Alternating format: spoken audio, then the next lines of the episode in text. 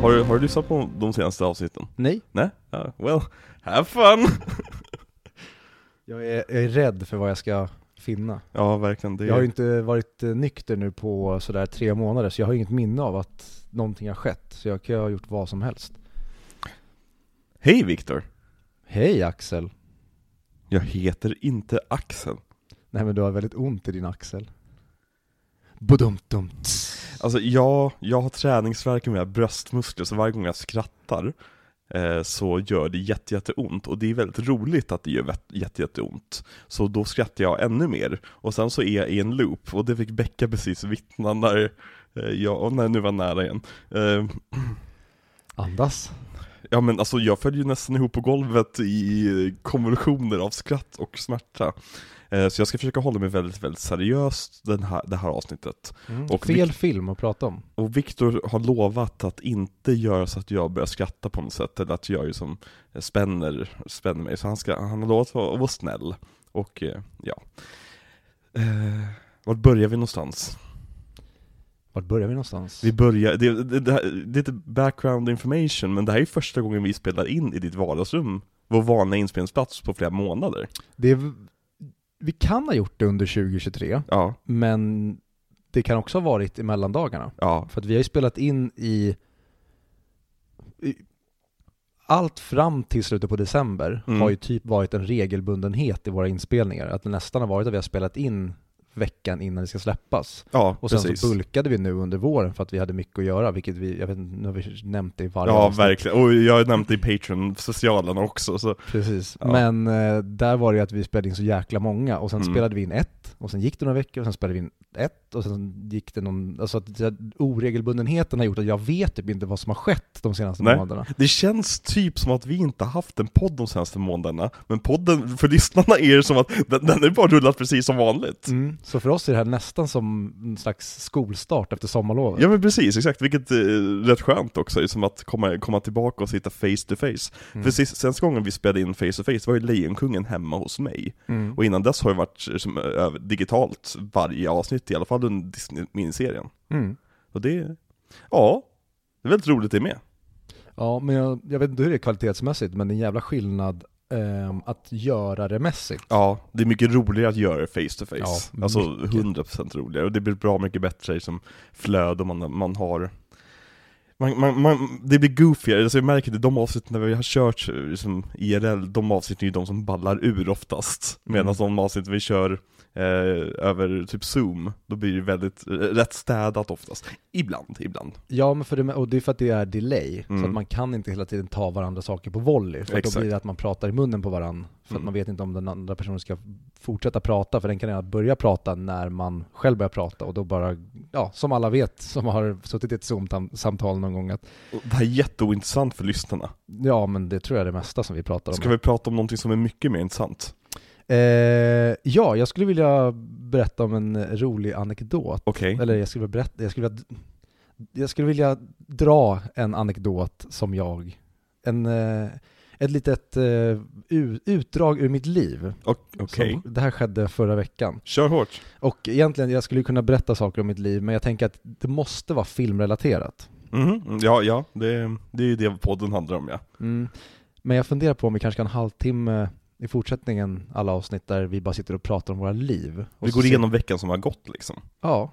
Vad jobbigt om vi någonsin ska bulka avsnitten, vi måste sitta, och hitta på saker. Ja. eh, nej men så här, jag eh, kom hem i söndags från Okej. Det var, väldigt, det var en väldigt märklig historia, men jag är glad över att du berättade för mig. Bra, Mm. ska vi gå vidare då? Ja, vi ska prata om Ringen Notre Dame Ja. idag. Nej, nej okej, du kom hem från eh, Spanien. Ja, och jag har då varit i eh, Barcelona och jag har varit i Torrevieja. Men... Nu pratar du som jag gjorde under Pans labyrint-avsnittet. Jaha. Nej, jag, jag är bara världsvan. Så Okej. jag, jag, jag anammar ju de, liksom, de lokala accenterna när jag är på platser. Som. Bruce Wayne, Ja, it's a beta. mm. exakt. Mm. Men det kommer vi aldrig prata om i den här podden. Nej, nej, Nej. nej. Okej, kom till poängen, din historia. Kör nu. Vi har spelat in nu i 37 minuter känns det som. Kör. Eh, Och vi har inte kommit någonstans. Men så här. Ehm, jag och Becka var i Barcelona. Och dag två, då går vi ner på Barcelonas strand då, som är milslång. Där jag var nära att drunkna en gång i tiden. Jaså? Vi kanske Carry ska berätta om den anekdoten istället. Nej, det, den är ointressant. Det hände ju inte, uppenbarligen. Det får mig att tänka på Curb Your Enthusiasm. En säsong börjar med att Larry håller på att drunkna. Okej. Och så letar han hela, eller hela säsongen efter varför skulle han fortsätta leva. Okej. Och det är kul hur han, ja, det är inte varför han Mm. egentligen ska fortsätta leva som han tror är anledningen till att han ska leva.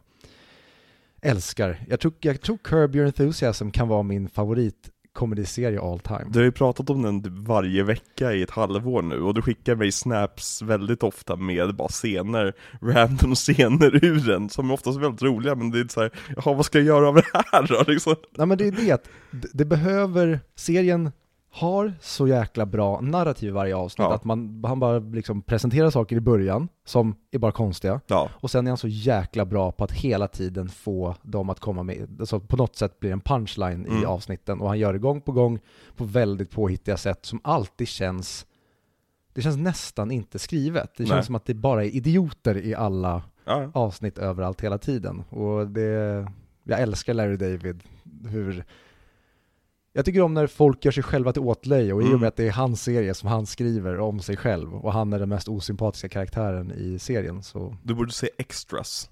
det har jag sett. Du har sett extras, Mm. ja men då så, perfekt. Det är också underbart. Ja. Mm. Barcelonas stränder. Barcelonas stränder. Eh, jag och Becka lägger oss där, vi tar en random spot, liksom, vi, vi väljer inte ett speciellt ställe eller tänker att där borde man ligga, där borde man ligga på stranden. Vi går och lägger oss på den milslånga stranden. Ni vill ligga på stranden. Ja. Och jag tar fram den. Handduken. Ja, okej. Den, den är ju som en hoprullad stor, ett, hoprullat stort badlakan. Ja, ja. Anyway. Vi lägger oss på stranden i solen, Ja. mår bra och har det trevligt. Mhm. Och sen så tittar jag bara runt på stranden och ser någon som ligger ungefär 20 meter bort Mhm. och säger till Becka Shit, den där snubben ser ut som spanska Johan Rheborg. Inte för att han såg så speciellt spansk ut, Nej. men det var i Spanien Men, ja, och han var väldigt lik Johan Rheborg. Ja. Så jag tar fram telefonen och ska skicka en snap Mm. och zoomar in på honom, men då ligger han på ryggen, du vet, med händerna låsta bakom huvudet. Ja. Som han ligger på stranden för att få upp huvudet. Ja, så att hans huvud täcks lite, så Becka kan inte riktigt se Nej. om han är lik eller inte. Men jag håller eh, då Snapchat-kameran zoomad mot honom och ska Mhm. börja filma så fort han tar ner armarna. Och då börjar jag och Becka skämta så här, men ska vi inte ropa bara typ så här, Johan, Johan? Och då ser jag i mobilen på den här mannen Mm. som fäller ner armarna och tittar rakt in i kameran. Och då är det Johan Rheborg. Ja. Och det blev så jäkla... Dels, jag har fått höra sen jag var liten Ja. att jag är väldigt lik Johan Rheborg. När jag hade Jaha. långt blont hår då kallade folk mig för Kenny Starfighter. Eh, jag gjorde en Percy Nilegård eh, ofta när jag var yngre som Ja, ja. folk tyckte var bra. Eh, när Solsidan kom så sa folk typ så här, ja ah, men du skulle typ kunna vara Fredde när du blir äldre. Eh, och bara så här, men jag, jag håller med själv, det finns vissa scener, alltså när man ser honom i vissa vinklar, så här, ja men det där är typ jag. Okej. Så att det var också random att det var just han av alla. Ja. Ehm, och sen var det bara så jäkla sjukt att på hela den här lång, milslånga stranden så är det Johan Rheborg som ligger just 20 meter ifrån oss. Mm. Och jag tyckte så synd om honom, för Ja. att i och med att vi störde honom så tänk, tänkte jag att han måste ha tänkt att inte ens i Spanien kan man få vara i fred från Nej. de här jävla stalker-människorna. Det här kommer man prata om i parlamentet nästa vecka. Ja. Mm. För det var en obehaglig nazist och hans eh, lilla indiska pojke som... Indiska, varför, varför börjas kalla Becka för indier för? Nej, det är ett skämt som har varit i Okej. min familj för att eh, det var Beckas kompis morfar någon gång på typ en studentmottagning som Mhm. frågade så här Men var kommer du ifrån? Är du från Indien? Och hon får alltid höra att hon är från alla möjliga delar Ja. av världens hörn. Becka kan ju tyvärr inte vara med idag. Nej, hon kunde inte vara med idag för att hon ligger i sängen. Minns du när vi bestämde att vi skulle ha det som skämt i varje avsnitt? Som running gag? Och så Ja. har vi typ glömt bort det i typ 90% av avsnitten. Mm. Det är typiskt, typiskt vi. Det är typiskt oss. Ja, typiskt Mm. oss. Eh, men du, jag vill prata om andra stränder. Jag vill prata om nyheterna som släpptes i veckan. För att nu är vi faktiskt lite ajour här. Mm.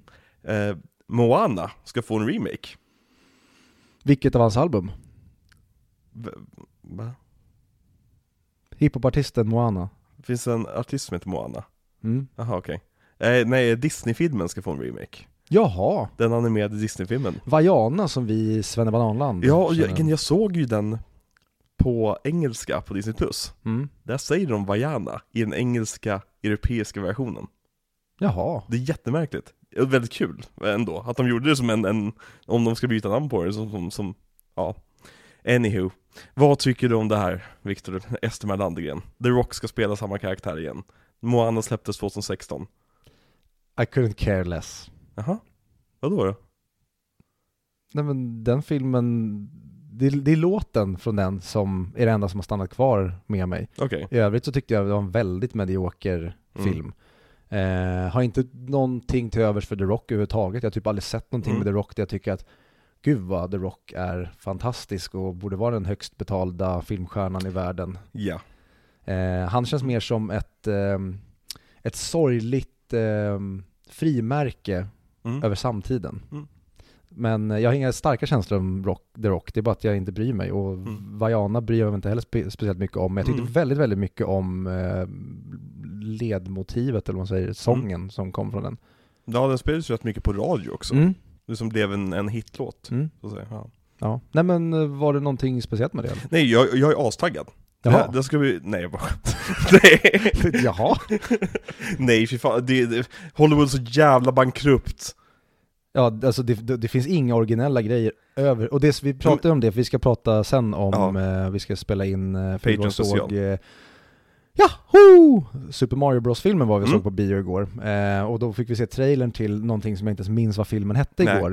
Eh, men det, Sjö och djuret eller något sånt. Ja precis, det var någon, någon Dreamworks-skit som, och det, det, det finns ingen originalitet, är det ett ord ens? Originalitet? Ja, det är Vi kör på det. inget All- nyskapande. Precis, det finns inget nyskapande idag eh, och det tycker jag syns överallt. Men ibland så Ibland, det. ibland dyker det upp Precis, som en ibland svamp dyker upp i saker, marken. men det mesta idag är bara egentligen copy-paste Ja. från tidigare saker Ja, men så, det, hela det här projektet stinker ju av att Disney vill ge The Rock någonting. Så att de får över honom i sitt läger och kan använda honom i filmer efter Mm. att hans liksom, deal med Warner Brothers gick i stöpet efter att The Rock ville ta över DC Universe. Gud vad jag hade velat se det. Ja, den crash and burnen, ja. Nej men så, det, ja nej jag, jag är jätte, jätte, jätte otaggad faktiskt på den. Det, jag har nog aldrig varit så otaggad på en film någonsin. Mm. Det känns så meningslöst. Men då undrar jag, du kanske är mer taggad på något annat som vi pratade om i begynnelsen av den här podden? Barbie? Nej, men vi kan prata om Barbie, för den eh, trailern kom ju häromdagen. Ja precis, det kom ju en trailer och hela internet, nu ringer han igen. Jag ska inte berätta vad som, som precis har hänt. Nej det ska du inte. Det var ett väldigt, Victor fick ett väldigt, väldigt märkligt samtal. Och jag eh, fick väldigt ont i mina axlar. Eh, Barbie-trailern kom och hela internet gissade samtidigt. Gjorde det? Ja. Ja, ja, gud, alltså folk har ju börjat verkligen dra igång kampanjen Det här är filmen vi ska se, inte Oppenheimer. Oppenheimer ser tråkig ut, Barbie är den som vi längtar efter. Men nu har jag sett en teaser-trailer och nu såg jag den här första Mhm. trailern. Det känns inte som att de har någonting att komma med. Det känns inte som att de har en idé mer än att vi har Barbie som IP. Vi gör en film om Barbie, men det känns inte som att filmen direkt kommer handla om någonting som är kopplat till Barbie. Utan det känns Mm. mer som att det jag förstod det som var som de förstår typ att de är fångade i den här världen och typ vill ta sig ut och det kommer bli ett krig mot, jag antar, The Suits och liksom företaget. Vilka det nu är så, är Mattel eller något som... Ja, precis. Men, men ja. Alltså, jag, jag har så länge, under ett år nu har jag verkligen så här, suttit och så här, vad är det som skaver med det här projektet för mig? Mm. Och liksom, jag, jag tycker ju om liksom, bilderna jag ser, alltså, det ser ut som att vara en rolig film, liksom, jag har ingenting alltså, konkret emot det här. Men det jag har emot det, det är att hela projektet bara skriker ironi. Och en slags sarkasm, glimten i ögat-känsla. Det här är inget ärligt projekt på ett sätt. Det här är någon... Mm, gud, det är så, svårt att sätta ord på det, för det är verkligen så här. Det känns som att Greta Gerwig bestämmer sig för att hon ska göra en Barbie-film, som, där skämtet är att Greta Gerwig gör en Barbie-film. Mm. Det är skämtet. Skämtet är att vi får Margot Robbie och vi, vi får eh, Ryan Gosling som Ken. Det är skämtet. Och jag, jag blir lite provocerad över att, att göra en film som ett skämt. Lite grann.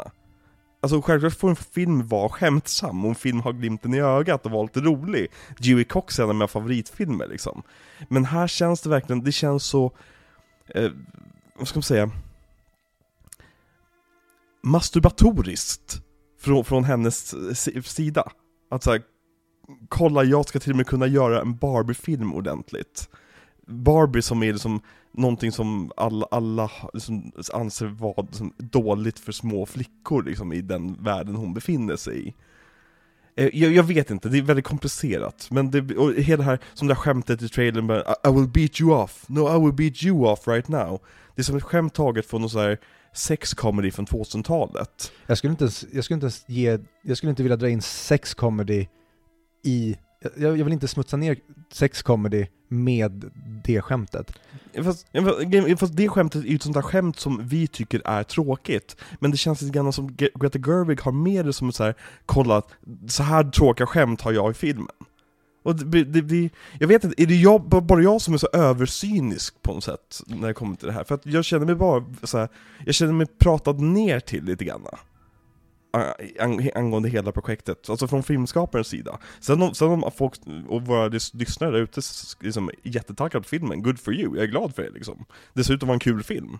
Eh, men det är någonting med det här som andas modern cynism på ett sätt som jag blir allergisk mot. Jo men att det känns inte som att de tar varumärket Barbie på allvar, utan Nej, de, de, tycker att det är larvigt och de måste verkligen få alla att förstå att Exakt. vi tar inte det här på allvar, det här är blaj. Eller snarare, vi tar det på jättestort allvar.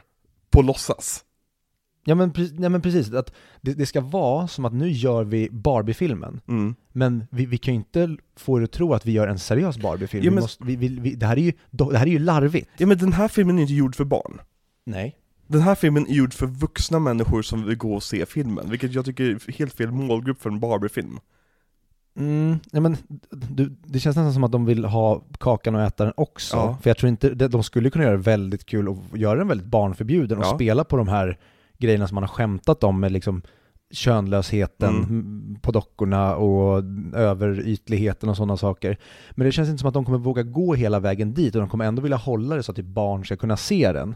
Och jag, var väldigt taggad på den för jag tyckte att kul om ni har fått Margot Robbie som då typ är Barbie mm. och Ryan Gosling som typ verkligen är Ken no. utseendemässigt. Och om ni har nu en rolig, fräsch idé.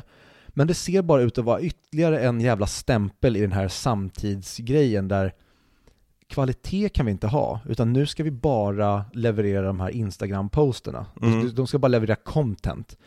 Som typ det skämtet du precis nämnde. Det är inte ett skämt.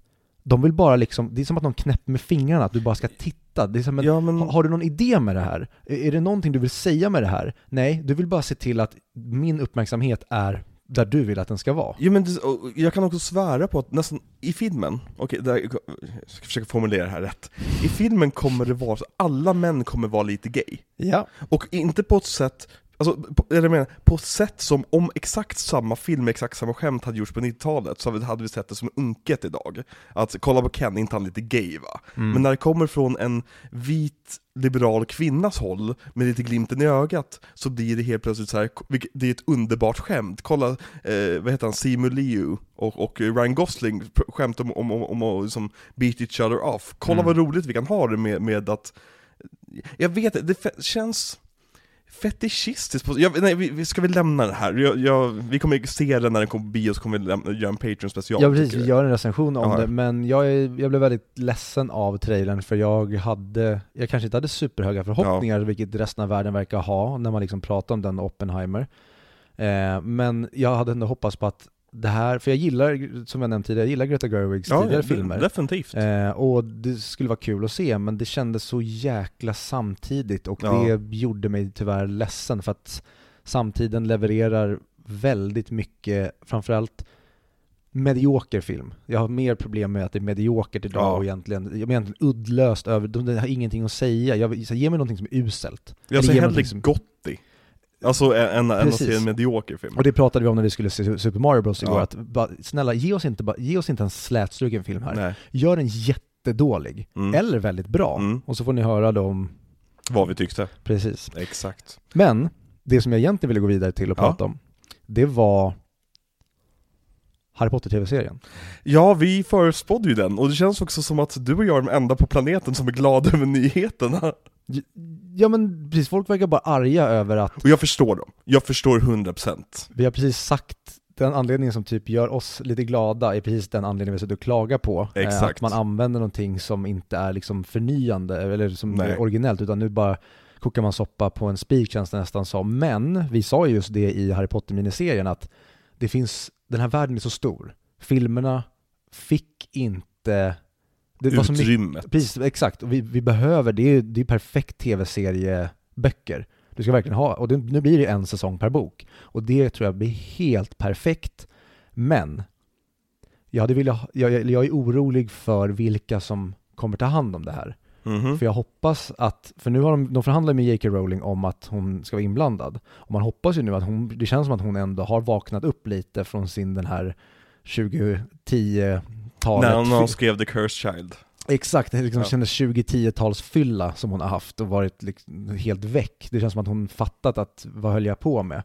Så att jag hoppas att hon kan vara med och kanske försöka få att de är så trogna böckerna som originalfilmerna var, bara att nu expandera dem lite mer. Jag vill inte att de ska hålla på och tweaka på grejer som allt görs idag när alla ska vara någonting väldigt liksom progressivt eller någonting som ska vara inkluderande bara för in- det inkluderades skull. Snälla ge oss böckerna så, tro, ge oss böckerna så trogna böckerna som ni Ja. bara kan. Ja men verkligen, alltså det Jag ser fram emot att se det projektet, se vad det kan vara, för att Mm. jag eh, När jag var, när jag var yngre, säg för sju år sedan kanske Då reagerade jag instinktivt mot det här att göra remakes på saker som jag tyckte var bra och klassiska Just för att säga, men jag kan inte se någon annan än Mark Hamill spela Luke Skywalker jag, alltså, men, men desto äldre blir det som jag mer känner att så här, jag skulle vara intressant att se Mm. det skulle vara kul att se en annan tolkning av det här kanske. Alltså nu när det gått en tid. Alltså första Harry Potter-filmen är ju fan 22 år gammal. Ja. Det är liksom,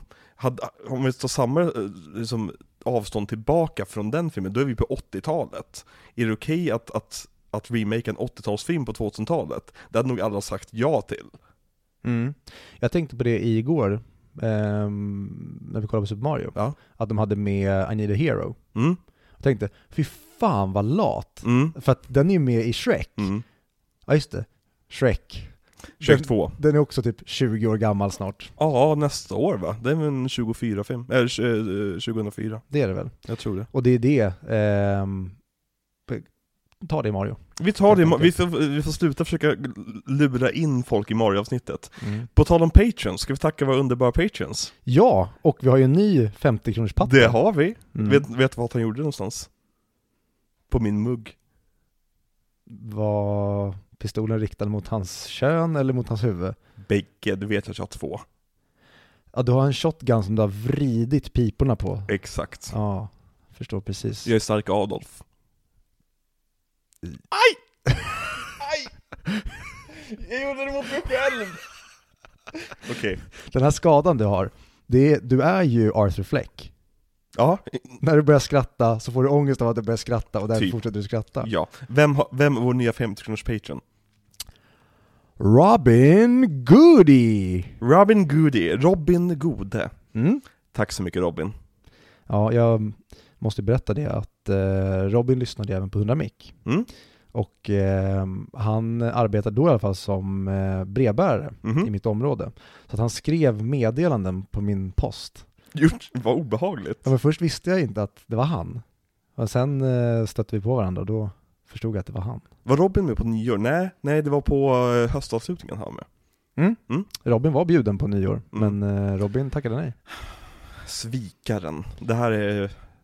He makes up for it. Verkligen, allt är förlåtet. Ja, verkligen. Nej men tack så mycket Robin, och tack till alla våra andra patreons. Mm. Till Ni våra är- pattar.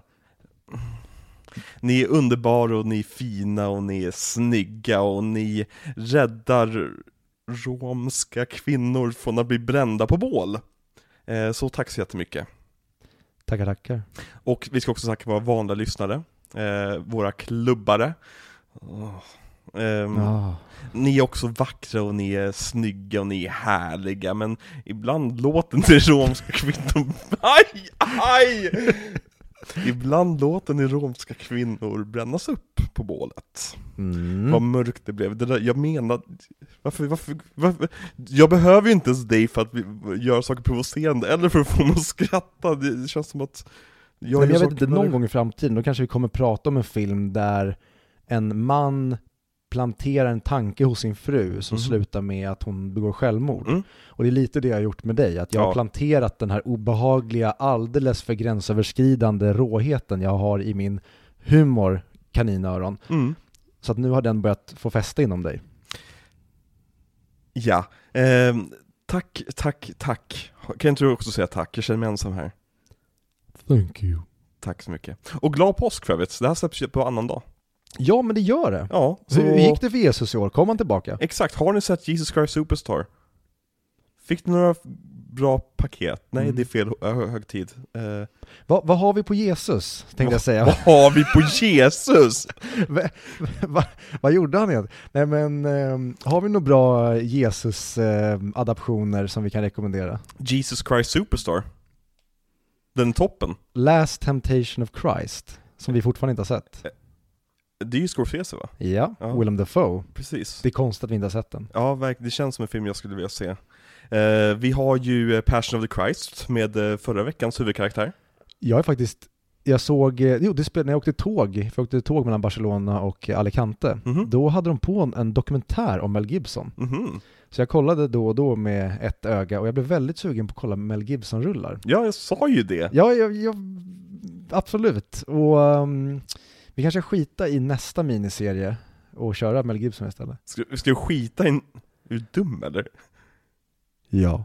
Ja, Nej, det hade varit ett brott mot mänskligheten. verkligen. Gud, nu har vi hypat den miniserien så många avsnitt i sträck här. Ehm, Och pattarna vet ju vem det är. men någon annan Jesus-adaption, har du sett den här Jesus, det kom ju någon miniserie för ett år sedan, typ 2010? Mhm. 12 som pratade, nej 13, 14 kanske. Som pratas väldigt mycket om i Alex och Sigge. Life of Brian. Life of Brian är väldigt bra, Mm. den fast den handlar ju inte om Jesus. Nej men den det är är ju väl... hela poängen med den. Ja men det är det som är ehm, va- varför det är en Jesus-film. Ja, mm. Det är, vad heter den? Eh, Elseworld, eller vad, vad heter det? Eh, What If? Mm, precis. Ben, ben Hur, har du sett den? Nej? Nej, den skulle jag vilja se. Jag har varit så jävla sugen på att se Lawrence of Arabia. Mm, vi kanske ska ta tag i det snart. Ja, det är 3 timmar och 40 minuter, det, är bara, det var väldigt mycket tid att lägga på den. Det är kanske någon som ska bli 100 kronors patte och eh, önska den. Jag Skulle någon, vi har fortfarande inte gjort Tinker Tailor Soldier Spy. Nej, ehm, men det har vi också ursäktat oss för 100 miljoner gånger, men Ja. vi har ju haft anledningar till varför det inte har blivit av. Ja, Och vi, kan, vi, vi skulle kunna bränna av den ikväll egentligen, men vi vill ju inte att det ska bli halvdant. Nej, exakt, vi vill ju se exakt. filmen ordentligt och kunna prata och göra ett riktigt avsnitt när man har blivit 100 kronors Patreon. precis, exakt. Så, så den, den kommer snart, nu har vi, nu börjar det lätta upp för bägge av oss. Min in, mest intensiva period börjar typ nu, håller på i två veckor till. Och sen så är jag fri. Mm, och Som jag blev precis befriad. Ja, precis, exakt. Men jösses Viktor, Nu måste vi ändå börja prata om c snusgubbar, missfoster och jätter. Men innan dess måste jag säga Välkomna tillbaka till Audio Videoklubben Det är då jag ska göra du, du, du, du, du, du, du, du, du, du, du. Audio videoklubben är en väldigt bra podcast. Oho. Du kan lyssna på den eller inte lyssna på den om du har en mobiltelefon. Jaha. Oj, där sprack min mick. Sprack din mick? Jag vill säga det. Okej Ehm, tänkte säga, våra stämmor de dånar som åska.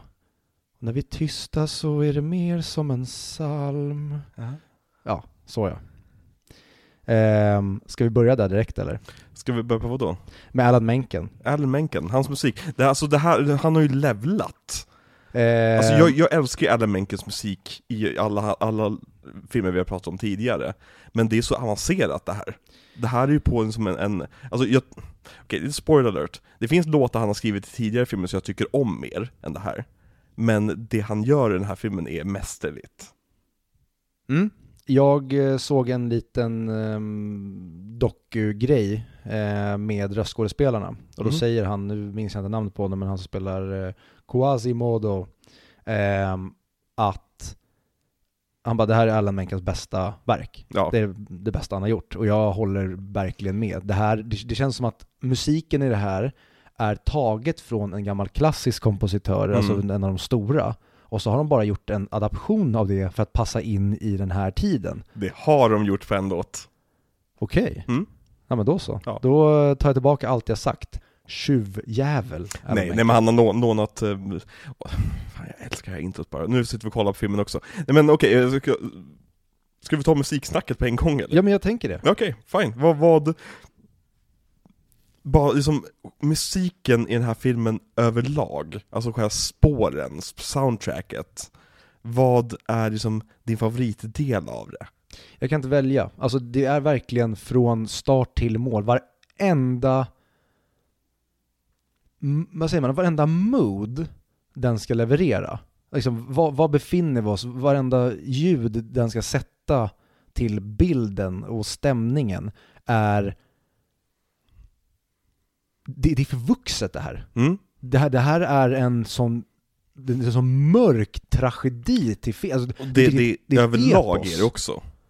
ja, Alltså, väldigt, det är en väldigt mogen film. Jag, eh, nu när jag såg den så var det väldigt tydligt för mig varför den inte riktigt klickar med mig som barn. Mm. För att som barn tror jag nog inte att du kan förstå den här filmen. Eh, du kan inte förstå Frollo, riktigt. Nej, absolut Eh, inte. Du, du kan inte förstå varför han först och hjälper Quasimodo, och sen varför han inte tycker om Quasimodo, eller varför han lustar efter Esmeralda, och varför det gör ont i honom. Mm. Frollo är en otroligt komplicerad karaktär. Jag skulle, nu är vi inte igenom, men jag skulle Nej. nästan kanske säga att det är den mest, den mänskligaste karaktären i alla Disney-filmer någonsin. Ja, nej men han, han det, åh, jag älskar Frollo. Ja, Det- det- han, han är helt otrolig. så, som bra karaktär. Men vi pratade om musiken. Mm. Okej, ska vi bara ta låtarna? Den första låten. Ja, alltså hur, hur The filmen bara... Bells, Bells of Notre Dame. Jag älskar att det är kör, eh, gregorianska körer över Disney-loggan och liksom intro-introt. Mm. Eh, sånt tycker jag alltid om när filmer gör. När det är som man, man tas in i stämningen av filmen innan den ens har börjat. Eh, men vad tycker du om den här låten? Fem av fem. Fem av fem? Alltså det, det, det är ett mästerverk Mm. och, och hur den används som liksom, ja men hur, vad heter han, Clopin? Mm. Hur han använder det som egentligen hans rytm när han berättar om Notre Dame. Alltså Precis. det, han tar ju, eh, hon är inte riktigt, vad ja men Bell-låten. Mm. Det här är ju den på schack. Ja. Alltså den, den förklarar världen på ett ännu bättre sätt. Mm. Det är 2.0 Bell-låten. Jag har egentligen bara, jag har en liten detalj i den här låten som jag har problem med. Mhm. Och det är, eh, på, på engelska, eh, vad fan säger han? Eh, Six guilders for passage into Paris. Det låter så jävla stressat i de här eh, mellangrejerna när de pratar mellan att Chopin sjunger. När, när eh, se, eh, romerna kommer till, till, till Paris. Alltså Quasimodos mamma. Så är det ju att Chopin sjunger någonting. Och så säger någonting. Oh we can't be found. Och så Mm. sjunger han ju vidare. Och de bitarna, jag vet jag har lite problem med eh, Steven Schwartz, det heter han va? Hans textförfattande ibland, och det känns som att han ibland försöker klämma in för mycket ord. Eh, de här låtarna generellt sett har jag inte problem med, men just den lilla biten av textrad, just där, Mm. är verkligen så här. "Åh, det där, det där, det där var stressat på något sätt. Det kanske låter bättre på svenska. Du såg den på svenska va? Jajamän. Jajamensan. Vem är det, är det någon känd som gör Clopin? Nej, ingen jag kan koppla till något annat Nej. egentligen. Ehm, nej. Mm. Men hela den här låten, den är ju, den är som Den säger, som- den introducerar alla karaktärer, förutom en karaktär som är, eller egentligen Okej, den introducerar Frollo och, och världen, okej, nu backtrackar jag här Ja, och det är kanske va- varför jag tycker att den här, hela musikkatalogen i den här filmen är så bra. Det är för att den, den skjuter så högt att det här borde inte funka. Mm. Alltså den, den, och jag, jag förstår fortfarande inte id- idag hur de inte kan ha gjort en live action remake på den här. Det, det skulle kunna bli, alltså på riktigt, om man sätter den, den här berättelsen, Mm. nästan gör en alltså, frame by frame Mm. kopia. Du skulle nästan kunna ha liksom bästa Oscars-nominering. Mm. För så episk och bra, alltså sätt den här i händerna på Ridley Scott. Mm. Alltså Ja. det, det här är, Vet du vem som har fått eh, ansvaret att sköta live action versionen av den? nej, Josh Gad. va? Ja, alltså inte regissör som, som producent, men det är hans, det är hans projekt liksom. Och Vad, han kommer spela ringen också. nej, Jo. nej. Out there! Alltså, jag, jag älskar Josh Gad i Book of Mormon till exempel. Jag tycker han, hans röst passar jättebra för den typen av roll han spelar där, när han ska vara irriterande. Men, men jag tycker inte om Josh Gad så jättemycket. Nej, inte riktigt såld på honom heller. inte men, som Quasimodo i alla fall. nej, det- jätte, jätte castad. Ja. Inte någons, alltså håll dig till Defoe och var nöjd med det. Mm. Var nöjd med allt som... Nej, det är en annan Disney. Vi ska inte sjunga några Disney-låtar på, på main-feeden. Det är ett perfekt recept på att bli cancelled av Disney. Eh, men okej, på tal om Out There, nästa låt. Eller I solsken, som det heter på svenska. Mm. Eh, vad, vad tycker du om den? Också jätte, jättebra. Mm. Alltså verkligen att förklara Quasimodos hela motivation och vad han trånar efter. Ja men en typisk I Want-låt. Ja, och men det är och- så jävla mäktig I Want-låt också. Jo men och du har alla de här Alltså låtarna som måste finnas med liksom, Mm. där skurken förklarar vad han vill göra, du har din Mm. bad guy-sång, du har liksom kvinnans sång om vad hon vill. Mm. Men alla här i princip slår i taket. Jag tycker egentligen, alla är inte fem av fem, men den enda låten i den här filmen skulle jag säga, eller sången som går under fyra av fem, Mhm. ehm, det är Mirakelgården. Och den tycker jag in, alltså inte ens är, den är så här, den snuddar på fyra av fem, men för mig är Oj. den bl- blek i jämförelse med de andra. Gud vad positiv du är. Okej, jag ska säga att den här soundtracket är uppdelat i två delar för mig. Mhm. Tre låtar som är fem av fem, och sen tre låtar, det är väl, som är typ två av fem för mig. Oj, vilka Ja. är det då? Eh, vi kommer till dem. Kör. Eh, till exempel nästa låt, Topsy Turvy. Jag tycker inte om den alls. Alltså jag, grundmelodin tycker jag, tycker jag är nice. Stort spektakel! Ja men precis, det, det, det är väl kul liksom, men det, jag, jag, jag. Så, Okej, så här. Som spektakel på skärmen, med en scen att kolla på, är den, funkar den jättebra. Som en del av filmen. Det är den här karnevalkänslan, festivalstämningen liksom. Och eh, det känns som en tickande bomb. Ja men exakt, den bara ökar och ökar och Jag ökar. känner att det här kommer, det, här, det känns som ett, ett, ett, en rolig karneval här, och det ska Ja. vara kul. Men jävlar vad jag vet att det här kommer sluta åt helvete. Men jag som låt betraktat, att, att bara sitta och lyssna på den, vilket jag brukar göra med de här låtarna också, är, jag, jag tycker att den är, jag vet inte, den, den känns rörig, den känns rätt dissonant. Eh, Eh, förlåt, då, då ska jag säga att alla mina betyg jag sätter, det är utifrån Alltså Ja, i exakt. filmen, men jag håller ju med dig, Mm. jag skulle aldrig slå på den och lyssna på Nej. så. Men jag pratar bara egentligen som ljud i filmen Mm. och vad den gör. Det är väl lite mer så jag betygsätter låtarna. mm. Men som låt, absolut, då håller jag med dig, då Mm. är den inte lika bra. Och sen har vi ju God Help the Outcasts, som jag tycker är jättefin. Eh, där är det snarare tvärtom, att jag tycker om den som låt betraktat, men jag tycker i filmen funkar, där eh, jag tycker den saboterar tempot lite grann, och det finns en annan låt som kommer snart som också saboterar tempot för mig. Eh, mm, men som låt betraktat jättefin, och jag gillar det här när folket får be om saker. Eh, och de flesta ber om någonting ytligt, men så finns det vissa som, som ber om kärlek också och så vidare. Jag tycker det är, det är en jättefin sekvens i filmen, men jag tycker att det, det stannar ner lite för mycket där för mig. Hmm. Ja, jag, jag, jag ska också brasklappa mig själv. Jag vet inte riktigt om jag kan bedöma den här filmen riktigt nyktert för att den är så otroligt integrerad i min barndom. Mm. Så det är lite Lejonkungen-grejen igen, men jag försökte verkligen se den som film. Jag var beredd på att nej, men den kommer inte hålla så bra som jag Mm. trodde, men den, den var faktiskt bättre än vad jag mindes den. För det, det här tror jag är skillnaden, för att det här var en film du hade på VHS. Mm. Det vet jag, och den såg vi hemma hos dig rätt ofta också. Mm. Eller, du såg den när jag kom över, du hade rätt, den rätt ofta på. Eh, jag personligen har sett den här filmen kanske fem gånger allt som allt i mitt liv. Mm. Eh, det här var ingen film jag såg alls. Eh, det är ingen film jag är särskilt bekant Alltså jag är bekant med den för jag har ju sett den som dagis och grejer. Men överlag så den enda liksom, starka relationen jag har med den här filmen, det är introt. För det var en del av en trailer misstänker jag. Eh, någonstans. Men det här, nu börjar vi komma till den här perioden av Disney där jag inte var så intresserad av Disney längre. Mm. Vilket är jättekonstigt när man kollar på årtalen. För att jag borde, borde vara perfekt ålder när de här släpptes. Mm. Men det är väl det när fördröjningen till Sverige först och främst med att de ska komma ut. Och sen ska de också fördröjas till att de släpps på VHS sen.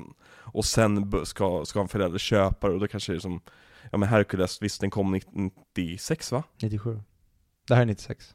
Ja, jag menar Ringe Hunchback, eh, Mm. kom, kom 96, visst då, då var jag fem bast. Men det kanske inte var på, på tapeten för mig att se förrän jag var typ kanske åtta eller nio. Och då kanske det var lite liksom att tecknade film, jag hade upptäckt Star Wars, jag hade liksom upptäckt andra saker. Mm. Ehm, Så jag, jag tror att det är därför jag inte är så jättetaggad på slutet på den här miniserien. För att det är inte filmer jag har särskilt stark relation till. Men det ska bli kul att se om dem i alla fall Mm. Eh, Men det är nog därför till exempel Topsy Turvy inte liksom, jag har ingen, ingen relation till den låten. Eller God Help the Out- Outcasts. För mig blir det så här, jaha det här var inte en av bangerserna. Okej, men kan vi gå vidare till någonting roligare? Jag, jag tycker ju eh, God Help the Outcast att den, det känns nästan som att de har bara sagt, men kan vi låna den här låten från psalmboken? Ja, Att det är någonting som redan, det är nästan som någonting man alltid sjunger Precis. i kyrkliga, mm. som, ja, men, kyrkliga situationer. Och det tycker jag är återkommande i den här filmen också. Att det låter, som du var inne på, att de har tagit något så här stort verk från en kompositör. Mm. De har verkligen skrivit låtarna som att det vore från den här tiden. Vissa av låtarna. Men till exempel den här stämman som de återkommer till den här. Mm. Det är väldigt, väldigt liksom så här 15-1600-tal. Alltså det här är den musiken jag är uppväxt med att sjunga i skolan liksom. Jag Mm. gick i musikklass och sjöng, vi sjöng mycket sånt här. Det är ju, och ja, nej jag bara älskar den typen av musik. Eh, Jag lyssnar väldigt mycket på klassisk musik, det är väldigt roligt. Det ehm, finns bra skit där alltså. Det finns väldigt mycket bra De skit säger där. det. Eh, och sen har vi en, en riktig jävla banger. Och det är Hellfire. Eller Heaven's Light först. Liksom de, den, de sitter ju ihop. Och liksom. det, alltså, ta bara Hellfire Mm. på egna ben, så är den ju, ska jag säga, en av de bästa Disney-låtarna Ja. ever. Men sen när du kopplar ihop den Exakt. med det innan så blir det nästan lite, ja men nästan så här, ja men Mozart har komponerat där. Mm. Jag köper det. Men det, det är som, och det är intressant hur, nu, nu kanske jag säger för mycket lämnar ingenting kvar för Patreon-avsnittet, men eh, det är intressant hur ehm, Out There börjar med att Frollo får inleda Qua- Quasimodos låt. Sen när Frollos låt kommer, då får Quasimodo inleda Frollos låt istället. De inleder varandras låt med samma melodi. Mm. Fast lite omskriven, en går i mål, en går i dur. Det- jag tycker det är jätte, jättebra. Alltså det här är väl, det här är så, det är så avancerad musik. Det här är sån här musik som får musiken i mig att få bli hård, liksom. Jo men musiken och filmen. Mm. För att filmen är också, den, alltså, den har alla de här arketypiska grejerna, men du har du har Quasimodos ark, alltså, arketyp, du har Frollo, du har Phoebus, du har Esmeralda, du har hela konflikten om bara zigenarna Mhm. och kyrkan versus liksom staten. Mm. Den här filmen är så lökigt att säga, men den är så jävla djup. Mm. Alltså den har, det här är inte, det är inte, det är en barnfilm bara för att den är tecknad, men det är inte en barnfilm. Mm. Och därför jag skulle vilja se den göras Ja men verk, gör gör den på, all, på riktigt jävla allvar så tror jag att jag skulle kunna slå riktigt högt i rätt regissörs händer. Tyvärr är ju nästa låt på listan en av de sakerna som gör det här filmen till en barnfilm för mig. Mhm. En sån som du. Ja, jag, jag... Jag hatar statyerna Viktor. Alltså jag hatar dem. Varför? För jag tycker de tar mig ur, ur det som jag tycker om i filmen. Jag tycker varje scen de är med i stannar, stannar filmen upp. Det känns som att det, det var inklämt för att de, de insåg att filmen var alldeles för mörk. För, fan, vi måste ha någon form av liksom, happy-go-lucky som, som barnen kan hålla fast i. För att det känns, det känns nästan Marvel-nivå på, på deras skämt tycker jag. Mhm. Alltså, jag tycker ju de är helt fantastiska som, alltså det, det finns inget bättre sätt jag hade kunnat komma på hur man skriver hans samvete. Nej, nej, alltså jag gillar ju idén att han har något som man pratar med där uppe, så att säga, och så kan ägga på honom.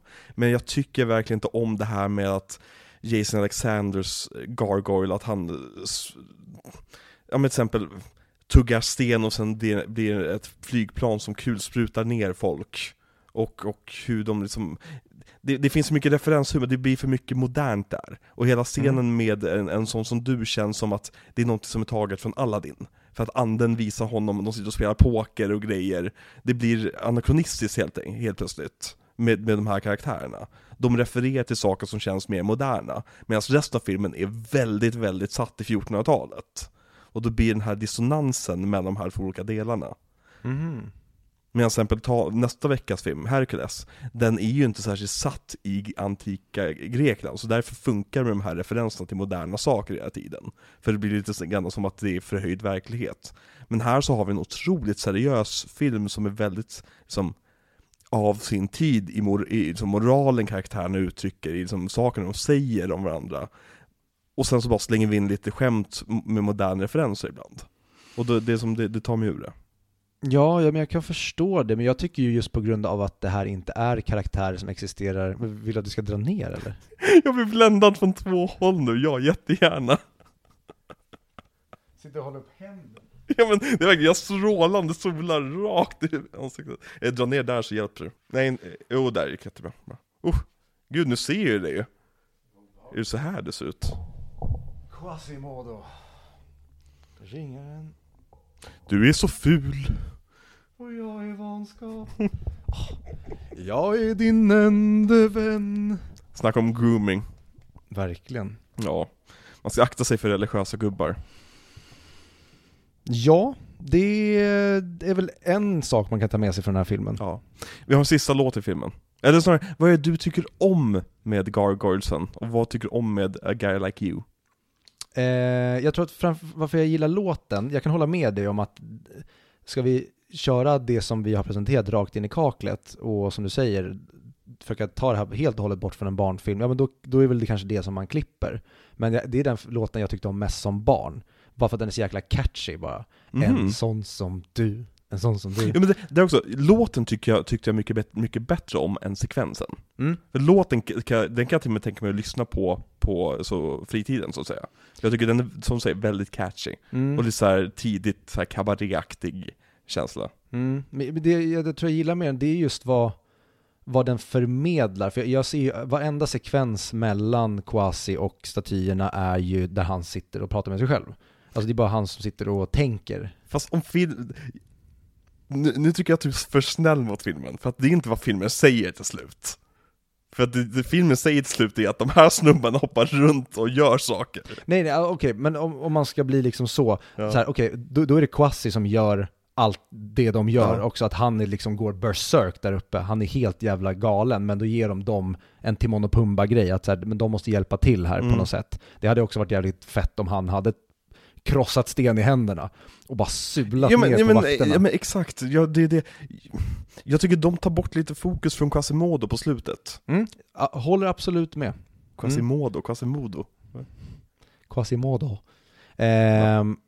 Men jag gillar just vad, den, liksom, vad den säger om Quasimodo, den här att någonting växer i honom. Mm. Det, är liksom en, det är en självförtroende-boost han får, att fan, jag, jag är grym ändå. Mm. Och som sen typ när han är kedjad, att vi har hört den låten tidigare, det ger honom en del av styrkan till varför han sliter sig loss. Mm. Eh, så jag tycker mer om den som metafor, men jag gillar också låten, men jag håller med om att det finns grejer som är pajiga i den, som du säger med pokergrejen mm. och när eh, Hugo kommer inklädd som Esmeralda, det, det, blir liksom, det blir gag för barnen. Ja. Men jag tycker om, det hade varit en grej om de var karaktärer i filmen som interagerar med typ Esmeralda och Phoebus, då hade jag haft mycket mer problem med det. Mm. Men i och med att det här är en grej som sker i hans huvud, så tycker jag att det är kul. För det här störde mig alltid som barn, att han lägger ner den här brickan upp och ner jättestörande och jag tycker så mycket om det med hans karaktär, han, att han är så full of himself. Ja. Att jag, jag tänker att han tänker inte ens på det. Nej. För han är så bara uppe i sin egen värld och tänker bara på att krossa dem, att han tänker inte att men stenen ligger åt fel håll. Mm. Nej, oh. Ja. Eh, sista låten då. The Court of Miracles. Mm. Eh, Fast nej, nu ändrar jag min åsikt om den. Jag tycker den är jättehärlig. Jag håller, jag håller med om att den är bra, men det är den som jag tycker är den blekaste av dem. Det är ju en mörk variant av introlåten. Den går i samma, som Morning in Paris, the city awakes to the bells of Notre Dame. Mm. Och, och eh, den, jag minns inte texten, men den är ju likadan. Det är som i... Och jag kommer ihåg, uff, det, det var så mycket ångest Ja. varje gång jag gick ner där när man kollar på den som barn. Och bara det att Clopin inte hade på sig sin mask Mm. var jättemärkligt. Och jag minns att det var lite av en mindfuck att, jaha, är han också eh, rom? Sirom, Jag sa ingenting, jag sa rom bara. vandrande folk. eh, resande folk. Nej, nej okej, vi, vi, eh, nosedive, nosedive, rätt upp planet. Vad tycker du om den låten? Nej men som jag sa, den, är, eh, den är bra. Mm. Jag tycker väldigt, väldigt mycket om den här filmen. Jag tycker att den är Ja. jätte, jättebra. Mm. Och jag skulle egentligen säga att jag har egentligen en liten grej Mhm. som jag har att klaga på den här filmen. Resten tycker jag att de alltså är spot on. Jag Okej. älskar typ att nu vi ser ja, men, festivalen, hur dekadent det är och hur lekfullt de gör det med in och ut ur tälten. Som också då kopplas till det här med att Frollo till exempel säger att hon är en häxa. Att det som håller på med här, det, det är lite häxkonst för att de, de Mm. lurar det vanliga ögat. Mm. De, de kan ju saker som... Det är därför det heter Court of Miracles, för att där blir den blinde, du kan börja se igen, och Mm. den som inte kan gå kan börja gå igen. Och det använder de jättebra och lekfullt här i Mm. festivalen. Och det, hela det här kaoset och som jag sa, att det känns som att allt, det, det, det tickar upp och det ökar till att vi känner att någonting kommer explodera här. Och Ja. det som kommer explodera det är att Quasimodo då, tyvärr, ehm, blir exponerad. Mm. Men det- okej, det enda, som jag ska säga nu, det enda jag har att klaga på den här filmen, det är 3D-animationen. eh, Mhm. På folket i bakgrunden. För det, Ja. inte alltid, för det mesta är det jättebra. Men ibland är de här, alltså Playstation 1, eh, Crab och Goyle. De känns lite flytande Nej men alla ser likadana ut och står så här. ja. alltså ser nästan ut som dåliga läkt, Fifa-läktarpersoner. Men samtidigt tycker jag också att CG-animationen ger oss också den bästa scenen i filmen. Mm. När Quasimodo svingar sig ner från eh, katedralen. Alltså jag har inte problem med ehm, CGI i filmen. Nej. Jag, jag tycker att det är CGI-bitar som är det dåliga. Precis. Det är Mm. bara den effekten när vi ser ibland publiken i bakgrunden där det Ja. ser parodiskt 90-taligt ut. Ja. Och folk som klagar på hur människorna ser ut i Toy Story 1, Mm. hur det har åldrats. Ain't got shit på den här teknikens åldrande. Men Viktor, låt oss spåra tillbaka bandet lite grann. Jaha. Låt oss prata om din barndom. Jaha. Vad är din relation till den här filmen? Jag vet inte mycket mer jag kan säga än det jag sagt. Det här är... Eh... Det är nog den Disney-filmen som är mest barndom för mig tillsammans med Hercules. Det är nog de två jag har sett absolut mest som barn. Spännande. Mm. Eh, jag vet att jag även hade både den här och Hercules som ljudbok. Mhm. Eh, så det är nog mycket där också. att Jag somnat till rösterna. Ja. Så jag har nog kanske inte sett den så mycket som jag inbillar mig att jag gjort, men jag har ju hört filmen alltså på repeat som barn. Mm.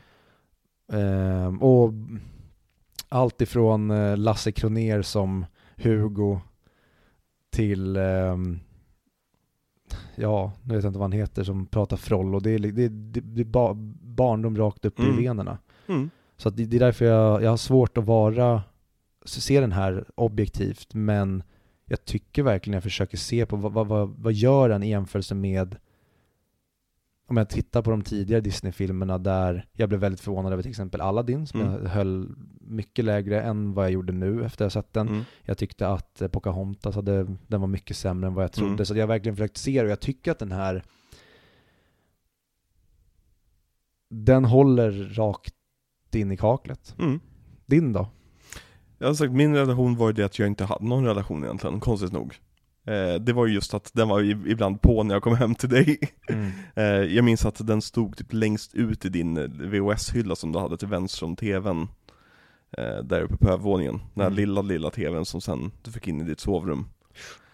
Ehm, och det, är- alltså, det, det är det, alltså, det, så, alltså den här film, det här är en sån här film som jag upptäckt med åren. Men eftersom låtarna är rätt avancerade, eh, och de är inte så catchy, alltid. så har det varit så att det är ingenting som stannat kvar med mig. Jag ser filmen och säger åh det här var magnifikt, det här var jättebra och mäktigt. Mm. Men sen så är det som så här, är det inte att jag, jag måste lägga in här, de här i min playlist. Men nu efter den här tittningen så är det verkligen så att det här har vi vissa låtar som jag måste få in i min playlist, för att jag måste höra de här låtarna om och om igen. Mm. Alltså Out There har blivit typ en av mina- mina favorit Disney-låtar efter att ha liksom lyssnat på den så många gånger nu. Eh, ja. Så det är väl min relation och sen så som har det vuxit, vuxit med åren och nu så är det en av mina, mina favoriter egentligen. Kul. Ja, det är, jag, jag är så glad över den här filmen, den är så right up my alley. Eh, jag, jag är ju historienörd av rang liksom. Jag är så glad över att jag fick se eh, Notre Dame innan den brann, till exempel. Jag skulle vilja se den igen dock, men Mm. eh, ja, Har du varit i Paris? Jag har ju inte det. Nej, du har inte det? Nej, och jag och Becka har pratat om hur många gånger som helst under åren att vi ska åka till Paris. Och Förutom så, när du åkte dit 42, ja, eller 3 kanske? jo men jag ser det som ett tidigare liv. Okej, ja. Jag ser inte det som, jag är en annan människa idag. Okej, ja. Eh, nej men vi pratar, har pratat ofta om att åka till Paris och så var det så jäkla deppigt när den brann ner att Mm. fuck, där man har missat sin chans. Den ju inte brunnit ner, den finns ju fortfarande. Jo men den kommer, det är inte- är samma kyrka när Nej, de exakt. har byggt upp den igen. Spiran har ju ra- rasat och allt sånt där. Och det, det är synd. Däremot Mm. eh, nu när jag var i Barcelona såg jag La Sagrada Familia. Ja, Det kan vara den Det är häftigaste byggnaden jag sett i mitt det är liv. en sån udda kyrka. Ja, Den är Eller katedral är det ju.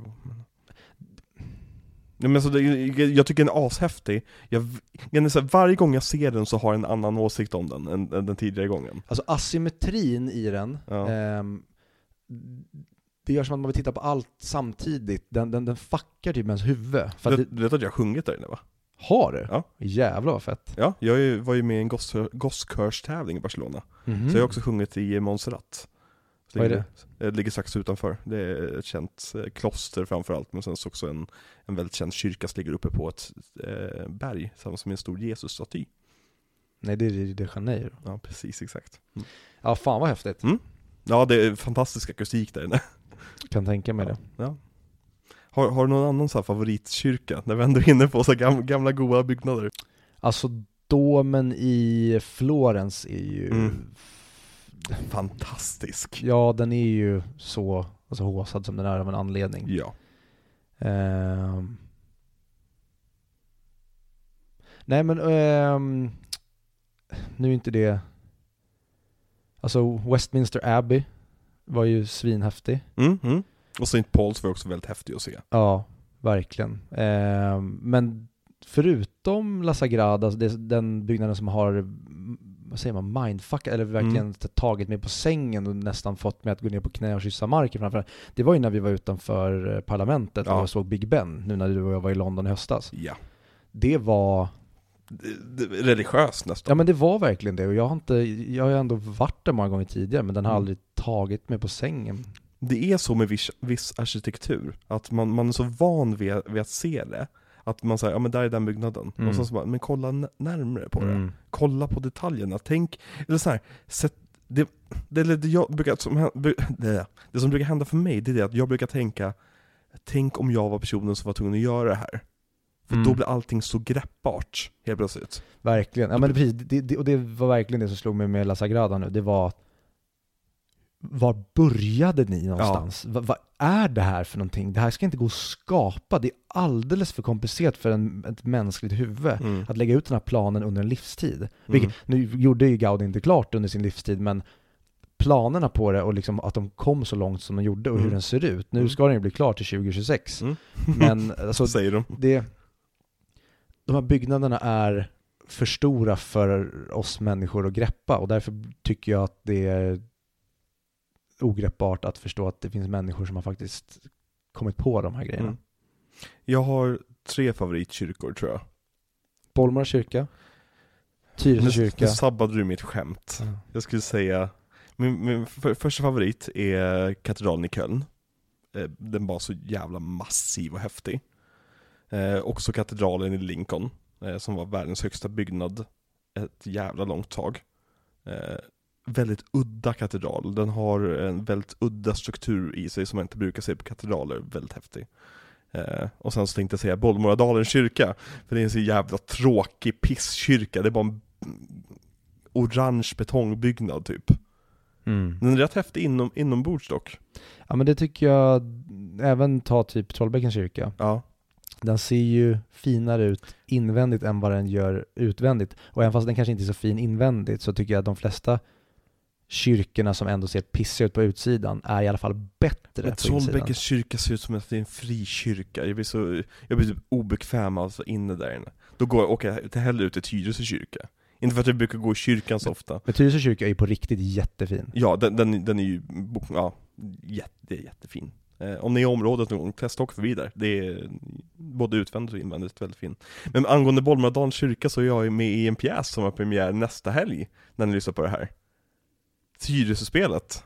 Så Det vill nu, jag plugga bara för våra lyssnare ifall ni, ifall ni befinner er i Stockholm och vill gå på ett krönikespel om Tyresös historia så är jag med där och sjunger både solon och spelar roller så. Jag har på mig lösmustasch i en scen. Inte, inte den, inte den mustaschen Viktor. vi fixar det tills premiären. Ja. Har du köpt biljetten? Nej. Nej, gör det de, innan de tar slut. Annars kommer du och Becka missa det här. Men du får väl filma dig själv? Filma mig själv. Ska inte din mamma filma från publiken? Ja, precis. Exakt. Som Rudolf Andersson? Jag tror inte jag har sagt till mig, jo där. Ehm, men okej, eh, men eh, Vart var vi någonstans innan vi började prata om kyrkor? Eh, jag tror vi pratade om, nej det gjorde vi inte alls. Hur som helst, vi kan prata om produktionen av den här filmen. Det kan vi väl göra? Ja. Eh, för det var ju då en producent som hette David, ser så dåligt, Stanton? Stanton? Statinton? Får man heta så? Jag tror inte det. Ja, olagligt. Men han som jobbade hos Disney som fick idén till filmen efter att ha läst boken. Och han föreslog då Hunchback för Katzenberg, som skulle se över det liksom.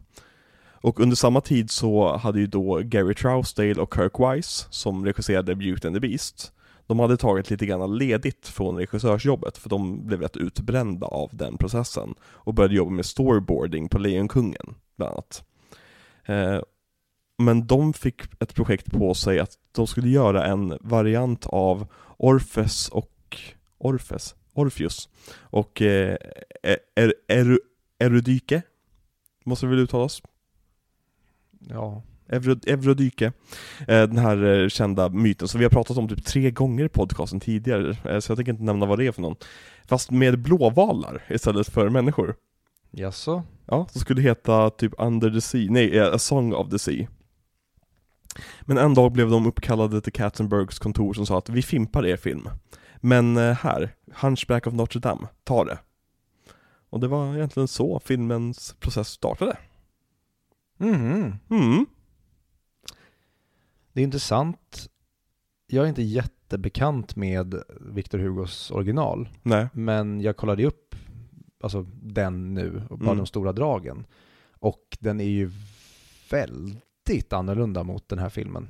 Alltså den, jag skulle säga grundstoryn är ju fortfarande densamma Med den här ringaren Notre Dame som, är, som har puckel på ryggen och är vanskapt Som blir kär i typ den första kvinnan som visar honom någon form av närhet eh, Och sen så ska han rädda henne från att dö Och sen så blir han accepterad typ Mm, Fast- men, men skelettet, men allt utöver det och typ Exakt. egentligen karaktärerna har de ju tweakat utav bara helvete. Ja, för alltså, i boken så är ju Quasimodo döv först och främst Det hade varit kul att se den. There. nej, nej, förlåt. Förlåt. Nej. Och I boken är ju, Esmeralda och eh, Quasimodo, de är ju switched at birth. Ja, tack för att de dumpade den här. Ja, det, det känns som en sån typisk så här 1700-talssak att skriva in, eller 1800-tal är det väl. Ja men, ja. Mm. Victor Hugo, vad har han mer skrivit? Jag vill säga Frankenstein, men det har han inte. Nej, det är. Eh, jag vet inte. Les Misérables. Jaha. Mm. Väldigt bra bok, väldigt bra musikal, bedrövlig film. Mm. Mm. Inte sett. Ehm, men har, du såg the making of den här filmen? Mm. Har, har du några intressanta tidbits därifrån? Nej, egentligen inte, men att jag visste ju inte att alla karaktärer upp till det här stadiet fortfarande är handtecknade. Jag trodde att de hade börjat använda annan teknik. Men alla karaktärer i alla Disney-filmer är handmålade, det- utan det är miljöerna och saker runt omkring som är eh, ja, men CGI och så. Mm. Och det um, Jag- blowar lite eh, min mind för att de är så levande och Frollo är den mest tredimensionella karaktären i Disney ever skulle jag säga. Alltså bara när han står och sjunger till eh, eldstaden. Mm. Det ser ut som att de typ har tagit en riktig människa och bara egentligen lagt på ett tecknat skal på honom, för så Jo. detaljerad är han. Och det är, alltså om vi ska bara prata om animationen i den här filmen, det här är ju Disney i sitt esse. Ja, Alltså nu, nu, nästa vecka kanske jag säger samma sak igen, och veckan efter det igen, och veckan efter det igen, och sen veckan efter det ska vi prata om the following. Eh, men jag känner att här så är Disney verkligen på sin topp innan de börjar använda för mycket CGI, och för många liksom sådana tricks. För att sakerna de gör i den här filmen är sinnessjuka ibland. Alltså ta bara effekterna när Frollo står och kollar på när Esmeralda brinner upp. Eller ska brinna upp. Och värmen från elden dansar över hans ansikte. Och man ser de här värme, värmedistortionsarna. De, det tänker vi ingenting alls på, vi tänker att ja men bra, ja men det är klart, han står ju bak, eller en eld mellan oss och Frollo. Klart som fan det kommer vara distortion. Det, det var bara filmat på det sättet. Så insåg vi att nej, det är någon jävel som var tvungen att sitta och teckna det på det sättet. Mm. För hand! Ja, det, det är, ja, det är sjukt. Mm. Och äv- även, ja, även de här animerade sekvenserna är också jättesnygga. Som sagt, när, när Quasimodo först liksom befriar sig från kedjorna och sen svingar sig ner för katedralen. Jag tänker inte vara den som frågar vart kommer repet ifrån när han landar, för det är vart kommer repet ifrån när han landar? Men, men den, bara den, alltså jag får gåshud varje gång när jag ser den. Den är topp fem Disney-sekvenser skulle jag säga. Från Ja. när han bryter sig loss, ner, plockar henne upp och skriker fristad. Ja, det är gåshuden, liksom rör sig upp i... Och de bara, vad fan håller han på med? Släpp det! Men du vet i originalboken, vet du varför han blir pryglad på torget? Eh, nej. För att han är ju döv, och han, han vinner ju, the, han blir ju the king of the fools. Och som, som en kul grej, så sätter de honom i en fa- falsk rättegång. Och domaren de tar in är också döv. Så de hör inte varandra. Men de vet ju inte att Nanda är, är, inte, eh, inte hör. Så när folk börjar skratta åt Quasimodo, så tar domaren det som att Quasimodo har hånat honom på något sätt. Men han hörde ju inte hånet. Så då dömer han honom till att bli fastkedjad och piskad. Och de, i boken så kastar de ju stenar Ja, och skräp istället för frukt som i den här. Och det, Det är hemskt nog. precis, frukten är väldigt tragisk och då skulle jag vilja se kanske en vuxen variant också då, där de sular stenar på honom och kanske Mm. gör honom en, alltså nästan lite Luke Skywalker mellan fyran och femman, att Mm. det dyker upp fram och oj, något har hänt med mitt ansikte. Att det blir en verkligen, oj, det här har man ärrat honom av den här scenen. Han är lite lik Luke från femman faktiskt, när du säger det. Ja men det är ju Mark Hamill de har baserat honom på. Ja, precis. Nej men, och det är väl inte så jättetydligt heller, alltså de valde ju att de skulle göra Quasimodo till huvudkaraktären. Och det tänker vi, det är självklart. Den heter ju Ringen i Notre Dame. Mm. Men det är ju inte så självklart egentligen. Han skulle kunna vara en tredje, alltså en, en secondary character.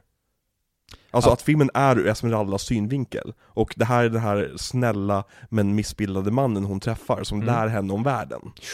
Och Som att de typ håller på honom. Ja men precis, alltså som i boken praktiskt taget. Han, han är ju inte huvudkaraktären i boken. Alltså det, det, den är skriven ur ett, eh, vad heter det, omnipresent, vad heter det svenska? Alltså att eh, berättaren vet allt, alltså ser allt. Alltså det är inte skrivet ur synvinkel, den här boken. Ja, mer övergripande. Ja, precis, exakt. Eh, fågelperspektiv, vad, vad heter det? Jag vet inte. Eh, och tanken var ett tag att, att eh, Quasimodo skulle vara någon slags liksom, Cyrano-karaktär. Du vet, vet du Cyrano-historien? Nej. Det här med att en, en, en man är, är kär i en kvinna, men han, han är snygg, men han vet inte vad han ska säga. Så han hyr in en person som är ful men som vet vad han ska säga, som ska viska hans öra. Mm. Den klassiska liksom, som har återanvänts typ alla sitcoms någonsin liksom. Mm. Eh, som Pe- Peter Dinklage spelade Cyrano eh, i en film för två år sedan. Kom, kom den 2021? Ja, igen, Det var en sån här eh, årsfusk. Den släppte den i typ två biografer 2021. december 2021 för att bli nominerad till Oscarsgalan. Och så blev det ingenting av det. Den jäklar, det är en riktig ignorerad rulle. Ja, jag skulle vilja se den. Mm. Eh, det känns som up, up my alley som sagt. Peter Dinklage skulle kunna spela Ringen åt idag. Det var det, alltså jag tänkte nästan det ett tag, alltså när jag satt och såg hur skulle man kunna göra den här till en live action film? Men, ja det, det är svårt. Man vill ha Peter Dinklage ansikte, men man behöver någon annans kropp. det, du måste nästan använda CGI för att skapa Quasimodo, Ja. fast där, där börjar du gå in på väldigt, Men det, det skulle jag verkligen kunna tänka mig funkar med dagens teknik, alltså om du verkligen ska ska, alltså CGI har kommit lite- jättelångt nu. lite freaky, alltså nästan den eh, fysiken han har i filmen här. Mm. Men låt Men- en AI skapa det. Ja men typ. Ja. För att ta om CGI, filmen vi såg igår. Fan vad läcker den var. Det tänker inte jag säga nu. Nej jag tänker inte säga det. Det kan man höra på Patreon. Bli Patreons, för helvete. Eh, en annan sak de ändrade från huvudhistorien, det var det att Frollo gjordes till en domare istället för en präst. För Ja att, det är intressant. ja, det var för att undvika den största av kritiken från religiösa personer. Men det tycker jag är verkligen till filmens fördel. Mm. För det blir så mycket brutalare. Alltså Mm. typ när han knuffar prästen. Att det Mm. känns som att oj, nu går du över gränsen. Mm. Ja men precis, och han är ju otroligt religiös själv, för han är ju en, en person i mak- hög maktställning under 1400-talet. Klart som fan han är religiös. Men det, ja nej, jag tycker också om det. Och jag tycker också om, bara säga Judge Claude Frollo. Eller domare Frollo. Domare Claude Frollo. Claude. Är det Jean-Claude? Nej det är min bror. Mm. Claude Ludvig. Vad har du, hur tänder man här inne? Det är mörkt. Eh, man kan tända där, man kan tända där, men det gör inte så mycket. Vi har ganska dålig belysning här. Kan man tända här? Ja, men den är inte så stark. Viktor, Vad Berä- sa vi innan du blev mörkrädd? berätta för mig. Vad handlar den här filmen om? Oj, oj, oj, oj, oj, oj, oj. Det handlar om, det här är egentligen bara en eh, metafor för Hitler och judarna. Och där Hitler råkade bli kär i en judinna som hette Eva Goldstein, säger vi. Eh, som han ansåg var en häxa, som han ville bränna ner hela Berlin för att, eh, eller vi tar eh, hela Warszawa. Hon var polack. Och jude. Va, va, va, va? Va, vad sa du? Berätta för mig vad Hunchback of Notre Dame handlar om och du börjar prata om Warszawa Jag vet inte, vad, vad, vad, vad är ditt problem? Jag vet inte. Nej, Det vet berätt, ingen. berätta för mig om, om, om judeförföljelsen Jo.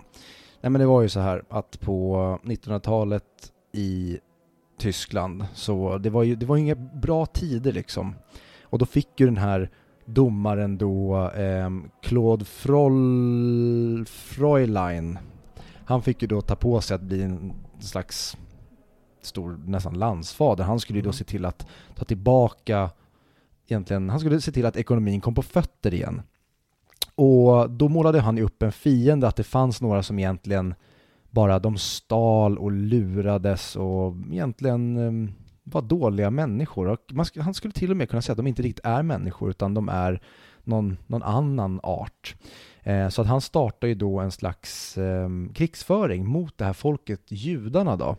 Men de har ju då en fristad som han vill komma åt och så är det ju den här kvinnan då i Warszawa alltså, du, du, du är så borttappad i den här metaforen att det, så här, det handlar inte ens om filmen längre på något sätt Men fortsätt, det blir kul och i Warszawa.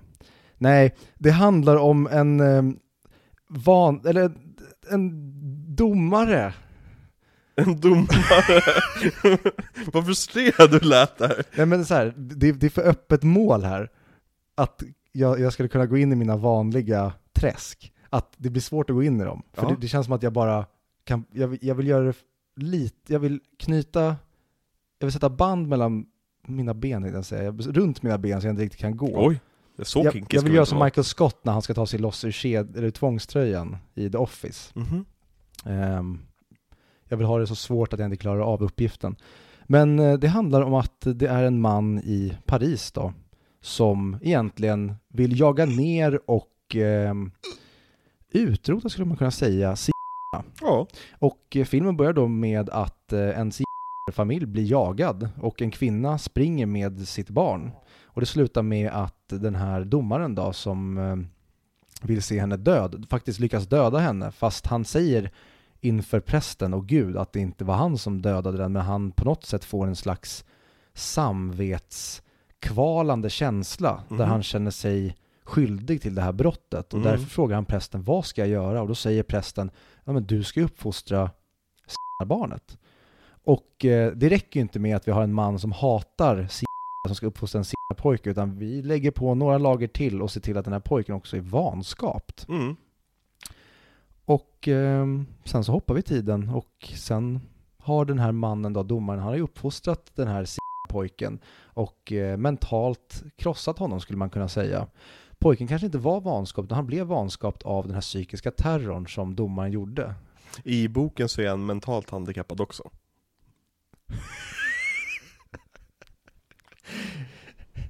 ja. Eh, nu sidetrack. Eh, jag kollade på ett eh, Curb-avsnitt Det är, klart du gjorde. där eh, Lar- Larry står och pratar med en kvinna som är döv. Mhm. Och så gör han henne, för han skämtar om att hennes hund ser ut som en råtta. Mhm. Och då blir hon, hon fattar inte skämtet för det är en annan kvinna som får sign language till den döva vad han säger, men då fattar inte hon att det är ett skämt. Nej. Så hon tror ju bara att han har sagt att hennes hund ser ut som en råtta. Och så går hon därifrån och så träffar Larry hennes man.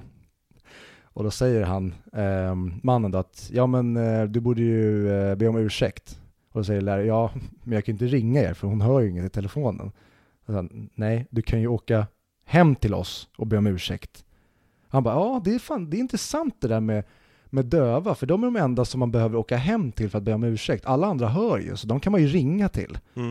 Han bara, fast, fast det kanske gäller för alla andra handikappade också. Och så snurrar han bara in sig jävla, i en situation där han egentligen målar upp alla döva som att de är handikappade och att alla handikappade är värdelösa. Och det är, det är bara jätteroligt, jag kan inte återberätta det men Uppenbarligen inte. nej, Larry David, I love you. Okej. Uh, ringen Notre Dame, han är vanskapt. Ja, Och han är äcklig. och han är hans enda vän. Äckelpäckel. Vi går vidare från det här berätta, jag, jag vill inte berätta vad den här filmen handlar om. Den är för helig för dig. Den är alldeles för helig. Ja. Frodo vill ligga med Esmeralda, Esmeralda vill inte ligga med honom. Uh, Frodo bestämmer sig för att, "Ja, men fan då kan jag bränna henne. Mm. Och eh, Quasimodo blir kär i Esmeralda. Det finns en snubbe som heter Phoebus. Som också är kär i Esmeralda. Han är också där. Mm. Ja. Eh, så att den här filmen handlar egentligen om hur alla män blir kåta av den första kvinnan de ser i Paris. Ja, typ. Typ. Ja, verkligen. Den första geten de ser kanske. Mm. Jo, ja, så skulle det kunna vara. Därför är filmens bästa sekvens. Den här scenen är som, den här kommer de aldrig kunna återskapa live action. Om de inte använder så jävla mycket CGI, men med Disneys track record så kommer de försöka göra den så verklig som möjligt och det kommer bara vara en gubbe står framför en eld och skriker. Ja, men jag kan tänka mig, nu det är ju Hellfire-scenen vi Mm, pratar ja. om då, och när de här mm, the hooded eh, Men ta bara ljuset på honom här på slutet, alltså hur som rummet blir avlångt ett Mm. tag. Och, Och för övrigt så jävla bra storytelling här, hur han gör en sång där han sjunger om att liksom Gud talar om för mig att antingen så måste hon försvinna mm, eller så måste jag kontrollera henne, hon måste vara min. mm, Han blir avbruten av att en av vakterna kommer in och säger att hon är borta. Ja. Så att Gud har ju tagit beslutet åt honom att nu är Exakt. hon borta, låt det vara. Men han är så jävla svag så han kan inte göra det utan nej. jag ska ha henne. Och han fattar ju inte att det är Guds Nej, tecken till dem heller. Nej, och det, jag älskar det med han, alltså hyckleriet i varenda egentligen mening han säger genom hela filmen. Mm. Han bara pratar om sig själv, att han är så god och så troende och duktig och vill lyssna på Gud. Men det enda han gör är att motsätt, motsäger allting han, han, han, mot, han går emot allt han säger jo, hela men tiden. det är ju verkligen, alltså du skämtar, alltså det här Det här går ju ty, alltså okej jag ska inte säga går inte, men det här är, skulle vara så jävla svårt att få till ordentligt i live action. Tror du det? Ja, just den här sekvensen. ja, Alltså, men ju, kolla just det här den kanske man inte behöver ha, men ta Men det är då det här med... som är awesome. Jo men, ja, om det nu, jag tror att det går att göra, men säg att det här, man, man kanske inte behöver ha just den här grejen då. Men om du nu ska ha det, Mm. ta bort färgen. Alltså gör det som nu, där Mm. det bara är skuggor och när han typ har de här, eh, när alla huvorna står över honom, liksom när hans samvete egentligen tittar ner på honom. Mm.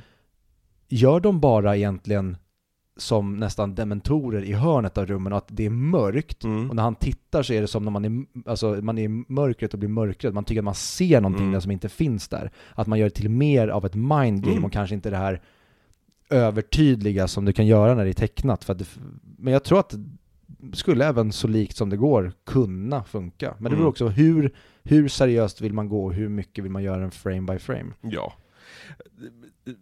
Vad var vi inne på? Innan jag började prata om den scenen. Vem vet? Vi pratar om handlingen och Frollo och ehm, att alla är kära i Esmeralda. Ja, ja tack. Eh, För, även för Rollo, det är första gången han får en lapdance. Mm. Så att säga. Det är första gången han antagligen är i närkontakt med en kvinna. Mm. Så han, han blir besatt av känslan av, av att vara kåt, egentligen.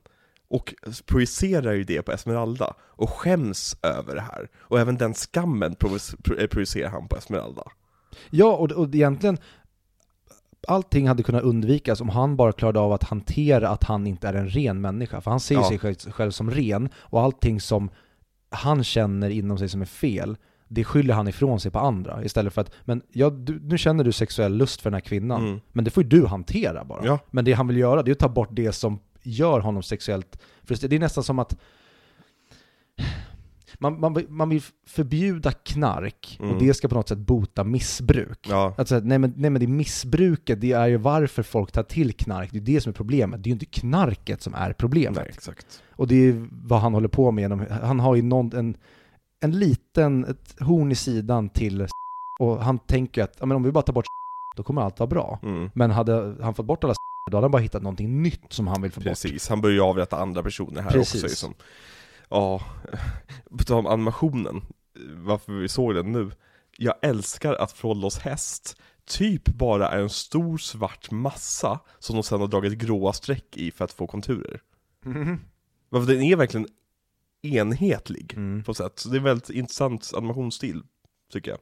Och jag gillar också att Esmeraldas ögon är gröna, för hon heter ju Smaragd Mm. liksom eh, vä- Väldigt bra, alltså den här filmen är så fucking gorgeous att kolla på Ja, men som du sa, det, det här, för mig är det den här stilen och då nästa veckas film, mm. det är det som jag tycker när såklart Snövit och det, det gamla, Mm. Bambi och det, det, det är ju det gamla Disneys, eh, Musse Pigg och det. Men det här är ju den moderna Disneys look när de verkligen har hittat den. Mm. För jag tycker inte riktigt att Skönheten och Odjuret, eh, Pocahontas och det, att de riktigt är där ändå. Nej. Utan det är det här och Hercules, framförallt hur, hur hållningen Mm. är så olika från karaktär till karaktär. Bara nästa vecka till typ hur Hercules när han är tonåring, mm. hur han står och hur han, hans fötter är vinklade. Det, Och hans knän Ja precis, de här liksom Buzz Lightyear hak grejerna som de har på armbågar och sånt. Nej det är mm, här... Alltså kolla bara på det här, kolla hur husen lutar sig in i mitten Mm. bara för att göra ett stängt, ja skit. Och hur de förändrar Notre Dame från hur den känns mycket mer öppen och välkomnande i början Exakt. till att när Frollo verkligen ska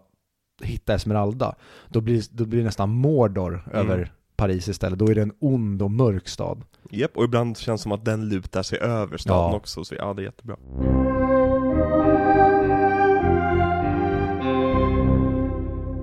Men jag tänkte just på det när jag såg filmen. När han eh, är högst upp i tornet och svingar sig i eh, Ja, ja, högsta pinnen där, vad den nu heter. Jag hade velat se hur någon som står i ett annat hus på en balkong upplever det. ja. Han hänger där och bara "Äh!" Vad är det som har hänt? Och då förstår jag att stan tycker att han ska vara inlåst. Om han hoppar runt på Notre Dame och bara skriker precis "Äh! Äh!" Och om han då är döv också. Precis Ja, Lisa! Nej! Viktor. På tal om Quasimodo, vad tycker du om Quasimodo? Ehm, typ perfekt protagonist. Men hans röst nu, nu såg ju den svenska Men men, de, alltså det, det är det också som Disney är så bra på Ja. här. Alltså, rösterna de har på svenska är typ nästan identiska med de engelska rösterna. De, han låter ju så snäll. Ja. Han låter så vänlig och, och det är därför jag tycker Josh Gad har ju inte den rösten. Det- Quasimodo, för att han ska funka som karaktär, måste han nästan ha typ den lenaste rösten i världshistorien. Alltså Josh Gad ska ju bara spela, hans röst är ju för en retsticka. Ja, han ska ju precis. vara Hugo typ, alltså, Ja, exakt, jo, men eller exakt. typ Laverne skulle han kunna prata. Eh, men eh, hans röst görs ju av Tom Hulce, eller Hulke eller vad fan det uttalas. Det är ju han som spelar Amadeus. Mm. Det såg jag inte förrän de berättade det för mig, för han hade åldrats. Ja. Väldigt kul dock. Mm. Och... Eh, Perfekt casting. Ja. Alltså efter man har sett Amadeus så så här, ja, han kan ju lätt leverera där. Precis. Och på svenska, där är det ju eh, Joakim Jennefors. Och vad har vi hört honom i? Massvis. Ja. Allt. Han, han är ju då den person som sjunger Och nu ska jag bli allra bäst. Det är han som gör Pokémon-temat. Ja, jag Eh. kollade igenom hans röstjobb och det är mycket han har varit med i. Jo men han- han är med i Aladdin, han är Herr Mus i Banan i pyjamas, han gjorde rösten till Katthund, han gör röster i Digimon, det är han som är Courage, det är han som är Nalle i Nalle har ett stort blått hus, det är han som är Bläckvard, och han är också med i Bionicle 2. Och han är också typ en av Sver- Sveriges största typ röstdubbningsregissörer. Disney Mhm. hyr, hyr in honom på typ alla sina filmer nu för tiden. Så han är den som ansvarar för dubbningen i Sverige. Imponerande CV. Det är ju verkligen, han är ju verkligen rösten från vår barndom liksom. Det är han verkligen. Och Och- framförallt, alltså nästan Pokémon mer än Quasimodo. Ja, alltså och, eh, i Solsken, han gör ju den briljant, Mm. tycker jag.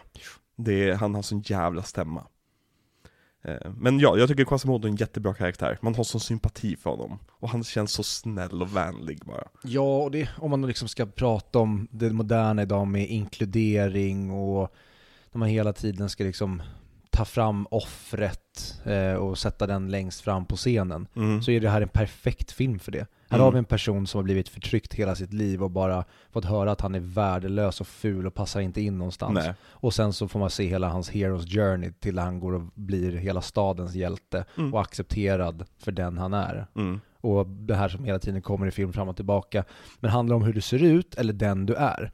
Och och hur Frollo hela tiden pratar, om- men som de etablerar i början, så vem är monster och vem är man? Mm. Ja, och det är vad hela filmen gör på så många olika, alltså det är så många olika lager med med Frollo, med Quasimodo och med Fibus, vad han Mm. får liksom, han, han är högt upp i näringskedjan och egentligen han skulle bara behöva nicka och så har han världens bästa liv. Mm. Men han har också en väldigt viktig moral i den här berättelsen som de Ja. också får till på ett Och även klockrent sätt. Esmeralda tycker jag är som en väldigt, väldigt djup karaktär på många sätt. Man, men I hur de animerar henne och hur hon uttrycker sig i saker, så känns det som att det finns en sån jävla inre värld där i henne också. Mm. Eh, hon, hon är ju lite kuttersmycket i den här filmen.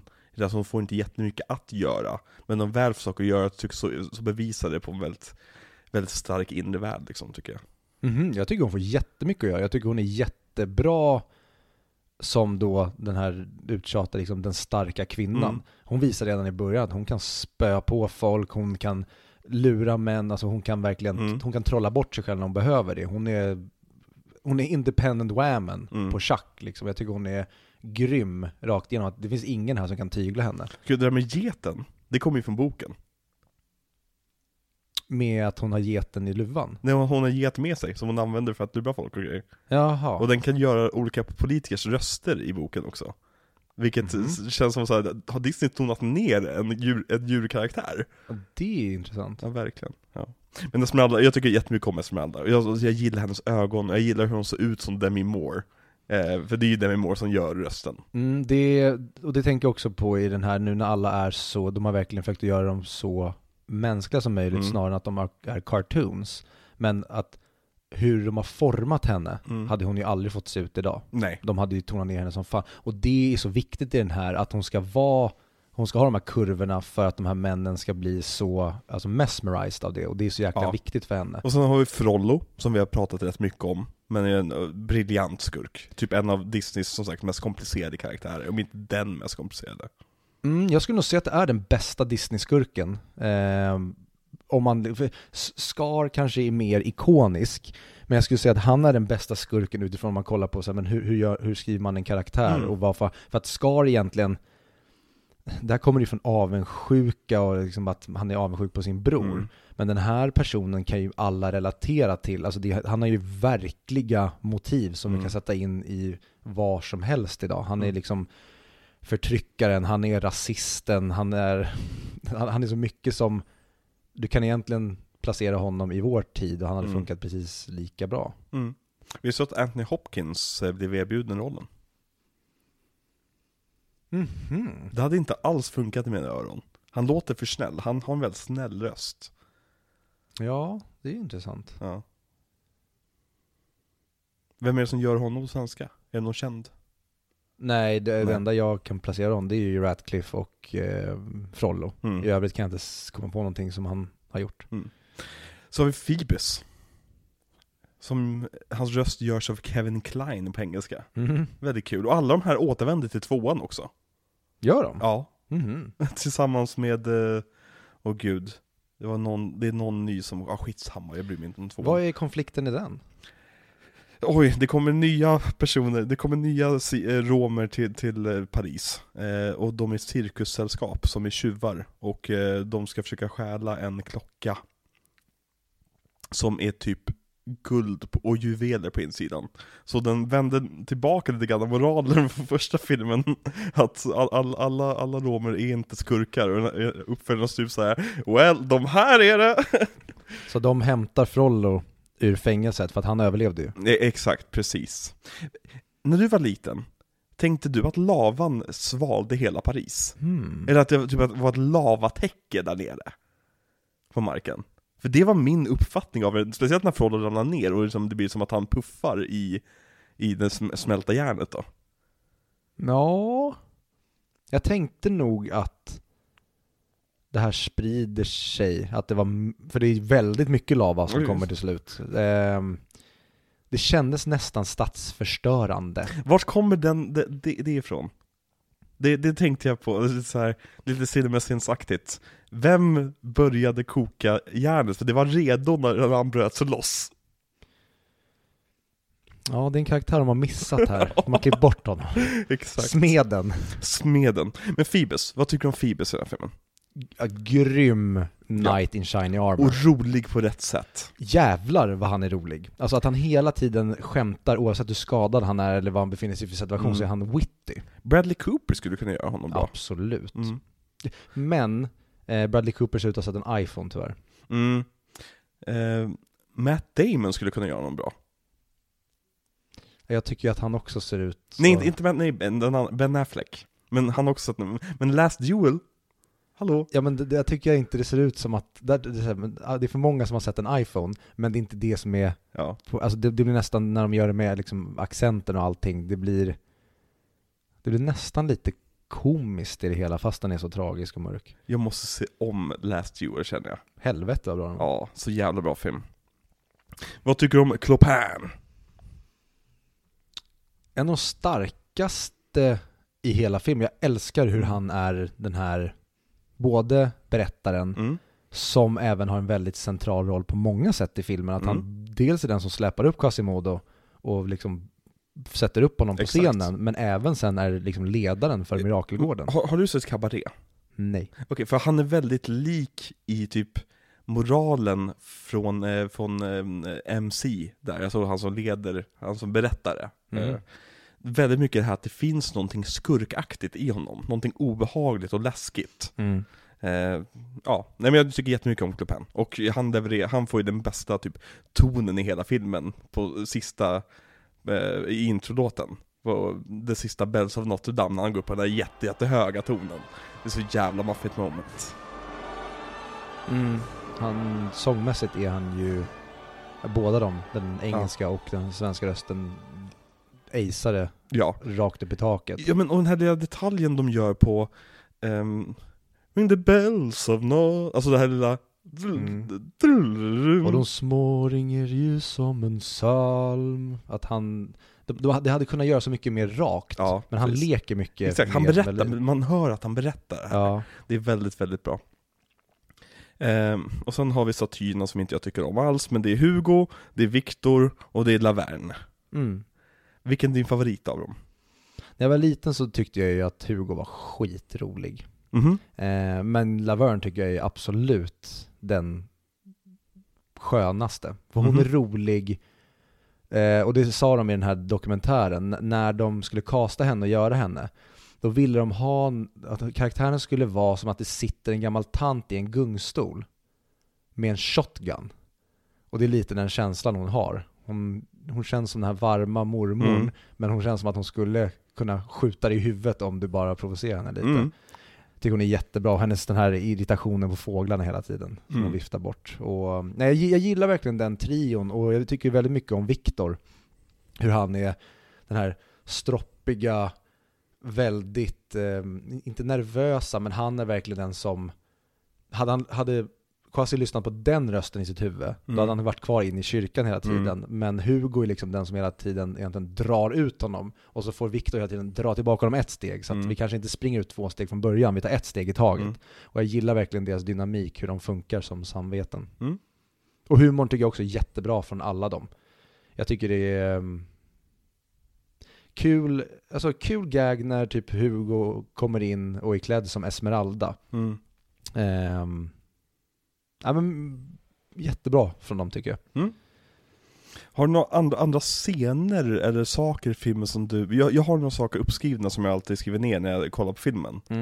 Eh, först och främst, jag vill kommentera, hur stark är Phoebus? För en sak, för han gör två saker som visar på att han, han, han är starkare än Quasimodo antagligen. Första han gör är att han slår en vakt i huvudet så att hjälmen bucklas inåt på vakten. Och det första jag tänker där är, vart som helst annars på huvudet kunde du slagit på oss hade varit mer effektivt, men du väljer att slå rakt ovanpå. Men han knockar vakten och, och hjälmen får en gigantisk buckla. Så jag gjorde så här, jag skrev in eh, i, eh, i ChatGPT, bad den räkna ut hur stark kraft man var tvungen att slå med. Och tydligen behöver man slå med kraften som ungefär en personbil för att den bucklan ska kunna göra så vakten ska svimma. Det andra han gör är att fånga Quasimodo när Quasimodo faller hejdlöst från byggnaden. Han bara äh, nej! Bara drar in honom när han är skadad också. Den här, alltså, det finns en dold plotline här om att Phoebus, han är solguden. Ja, Mm, jo men det säger han ju. exakt, det betyder Eh, solgud. Det, det betyder solgud. Och sen, Exakt. ja de sket, de, de ja, gå, gå vidare i filmen. Ja, så de skulle kunna göra en superhjältefilm om Phoebus. Ja men det här är ju det. Mm. Ja men exakt. Det här är ju, Unbreakable fast Disney-versionen. ah jag, jag har ont, eh, häll lite vin här och så får jag vila en stund. Mm. För jag har jätteont nu. Åh, hon vill hångla med mig. Eh, Okej, så jag måste vila efter. Jag älskar skämtet att han drar om vinet. Ja, Mm. ingen bra årgång. Exakt. Eh, Bourgogne, vad är det va? Ja, typ 1492. Ja exakt. Eh, 1492 var det ju inte.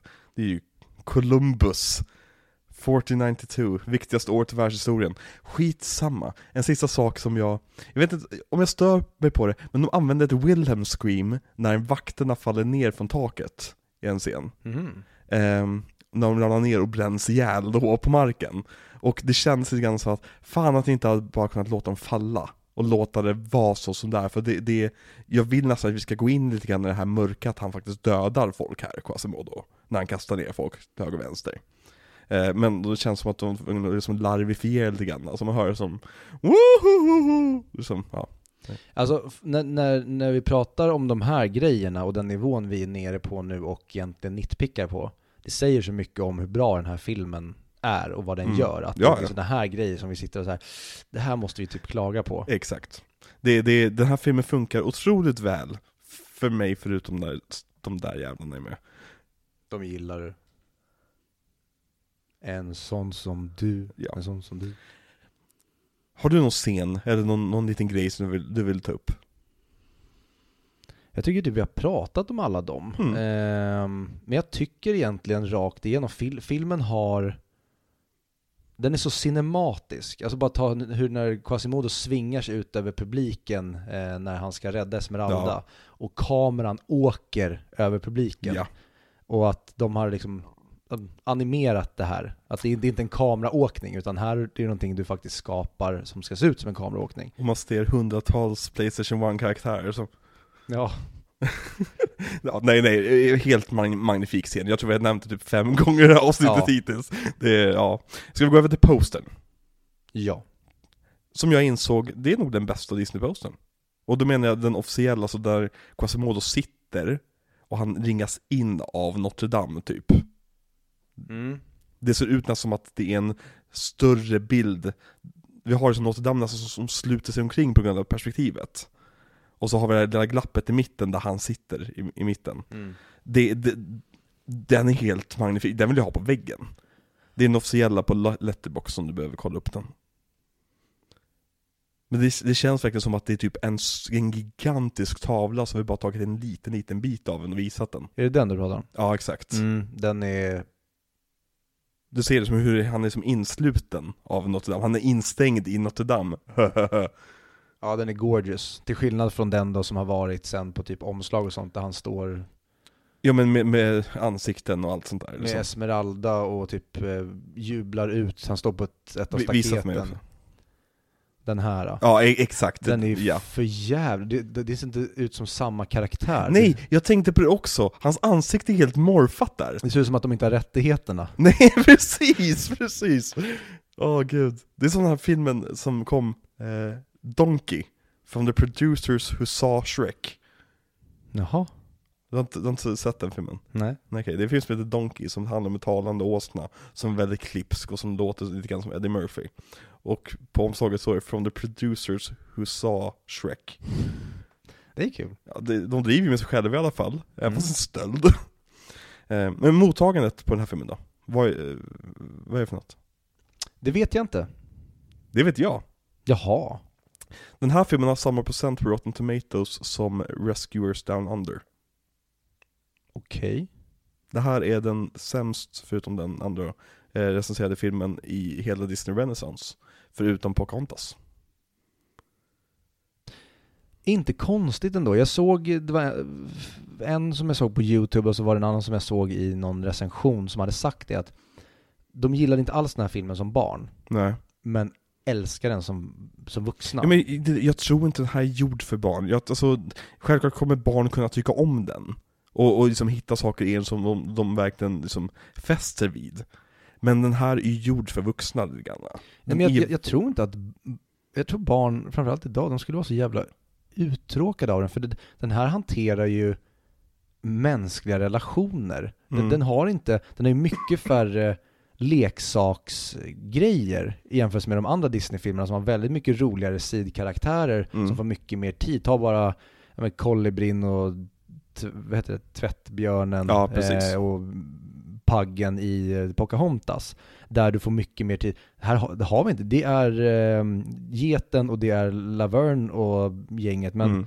det är inte i närheten av det. Det känns nästan som du säger det, som att här har behövt få in någonting för barnen. Mm. Snarare än att det här är karaktärer som är integrerade i filmen kanske. Alltså, den, den är alldeles för vuxen och det är därför jag tror att den här verkligen kommer, den kanske inte kommer få någon slags redemption, men den står ju sig helt sjukt bra. 100%, 100%. Eh, men eh, överlag så var folk rätt så här, medelhögt kan man väl kalla mottagandet. Alltså Roger Ebert tycker att den här är den bästa filmen som Disney hade gjort ända sen, eh, vad fan var det han sa? Eh, sen, Li, nej, sen Aladdin. Eh, så det var ju folk som faktiskt tyckte om den här också, men överlag så är väl konsensuset när den kom att den är lite för mörk, den här. Den är lite för komplicerad för vad den ska vara. Man ser fortfarande väldigt mycket som att det här ska vara en barnfilm, först och främst. Så varför är den inte gjord för barn? Varför handlar den om sex? Praktiskt. Inte, inte på liksom ett moralistiskt sätt, snarare så här förstår barn det här? Och jag är beredd att hålla med lite granna, men som vuxen älskar jag att se den. Jo men alltså då ska jag säga att om, om, när liksom den handlar om eh, sexuell, eller vad säger jag, s- sexlust och det, hade du gjort det mer för barn, då hade du kunnat göra det mer liksom nästan Johnny Bravo-aktigt, att det är så tydligt att han bara Mm. ett, två, tre, fyra, jag vill bara, han vill bara ligga med henne. Men nu är det någonting över det, mer, mer luddigt, det är att han Mm. åtrår henne på, och vill typ ha henne, Mm. i bara så här, typ lukta på henne snarare än att, att han vill att hon ska, så här, hon ska föda mina barn. Då har du Mm. kunnat göra det tydligare för barnen. Det blir som att nu så här, skit i barnen. Alltså hela den här filmen hade löst sig om Frollo bara drog en runk ibland. Men det är det jag tänker att han gör när han står framför brasan. Jaha, okej. Han står ju bara tokrunkar och luktar på sjalen. Ja. Och sen så kommer vakten in, han Ja, jag hoppas i alla fall inte att vi behöver prata om en till film ikväll som handlar om en ond, ond man som vill gifta sig med, med en oskyldig person av konstiga anledningar. Nej, det vore pajigt. Ja, precis.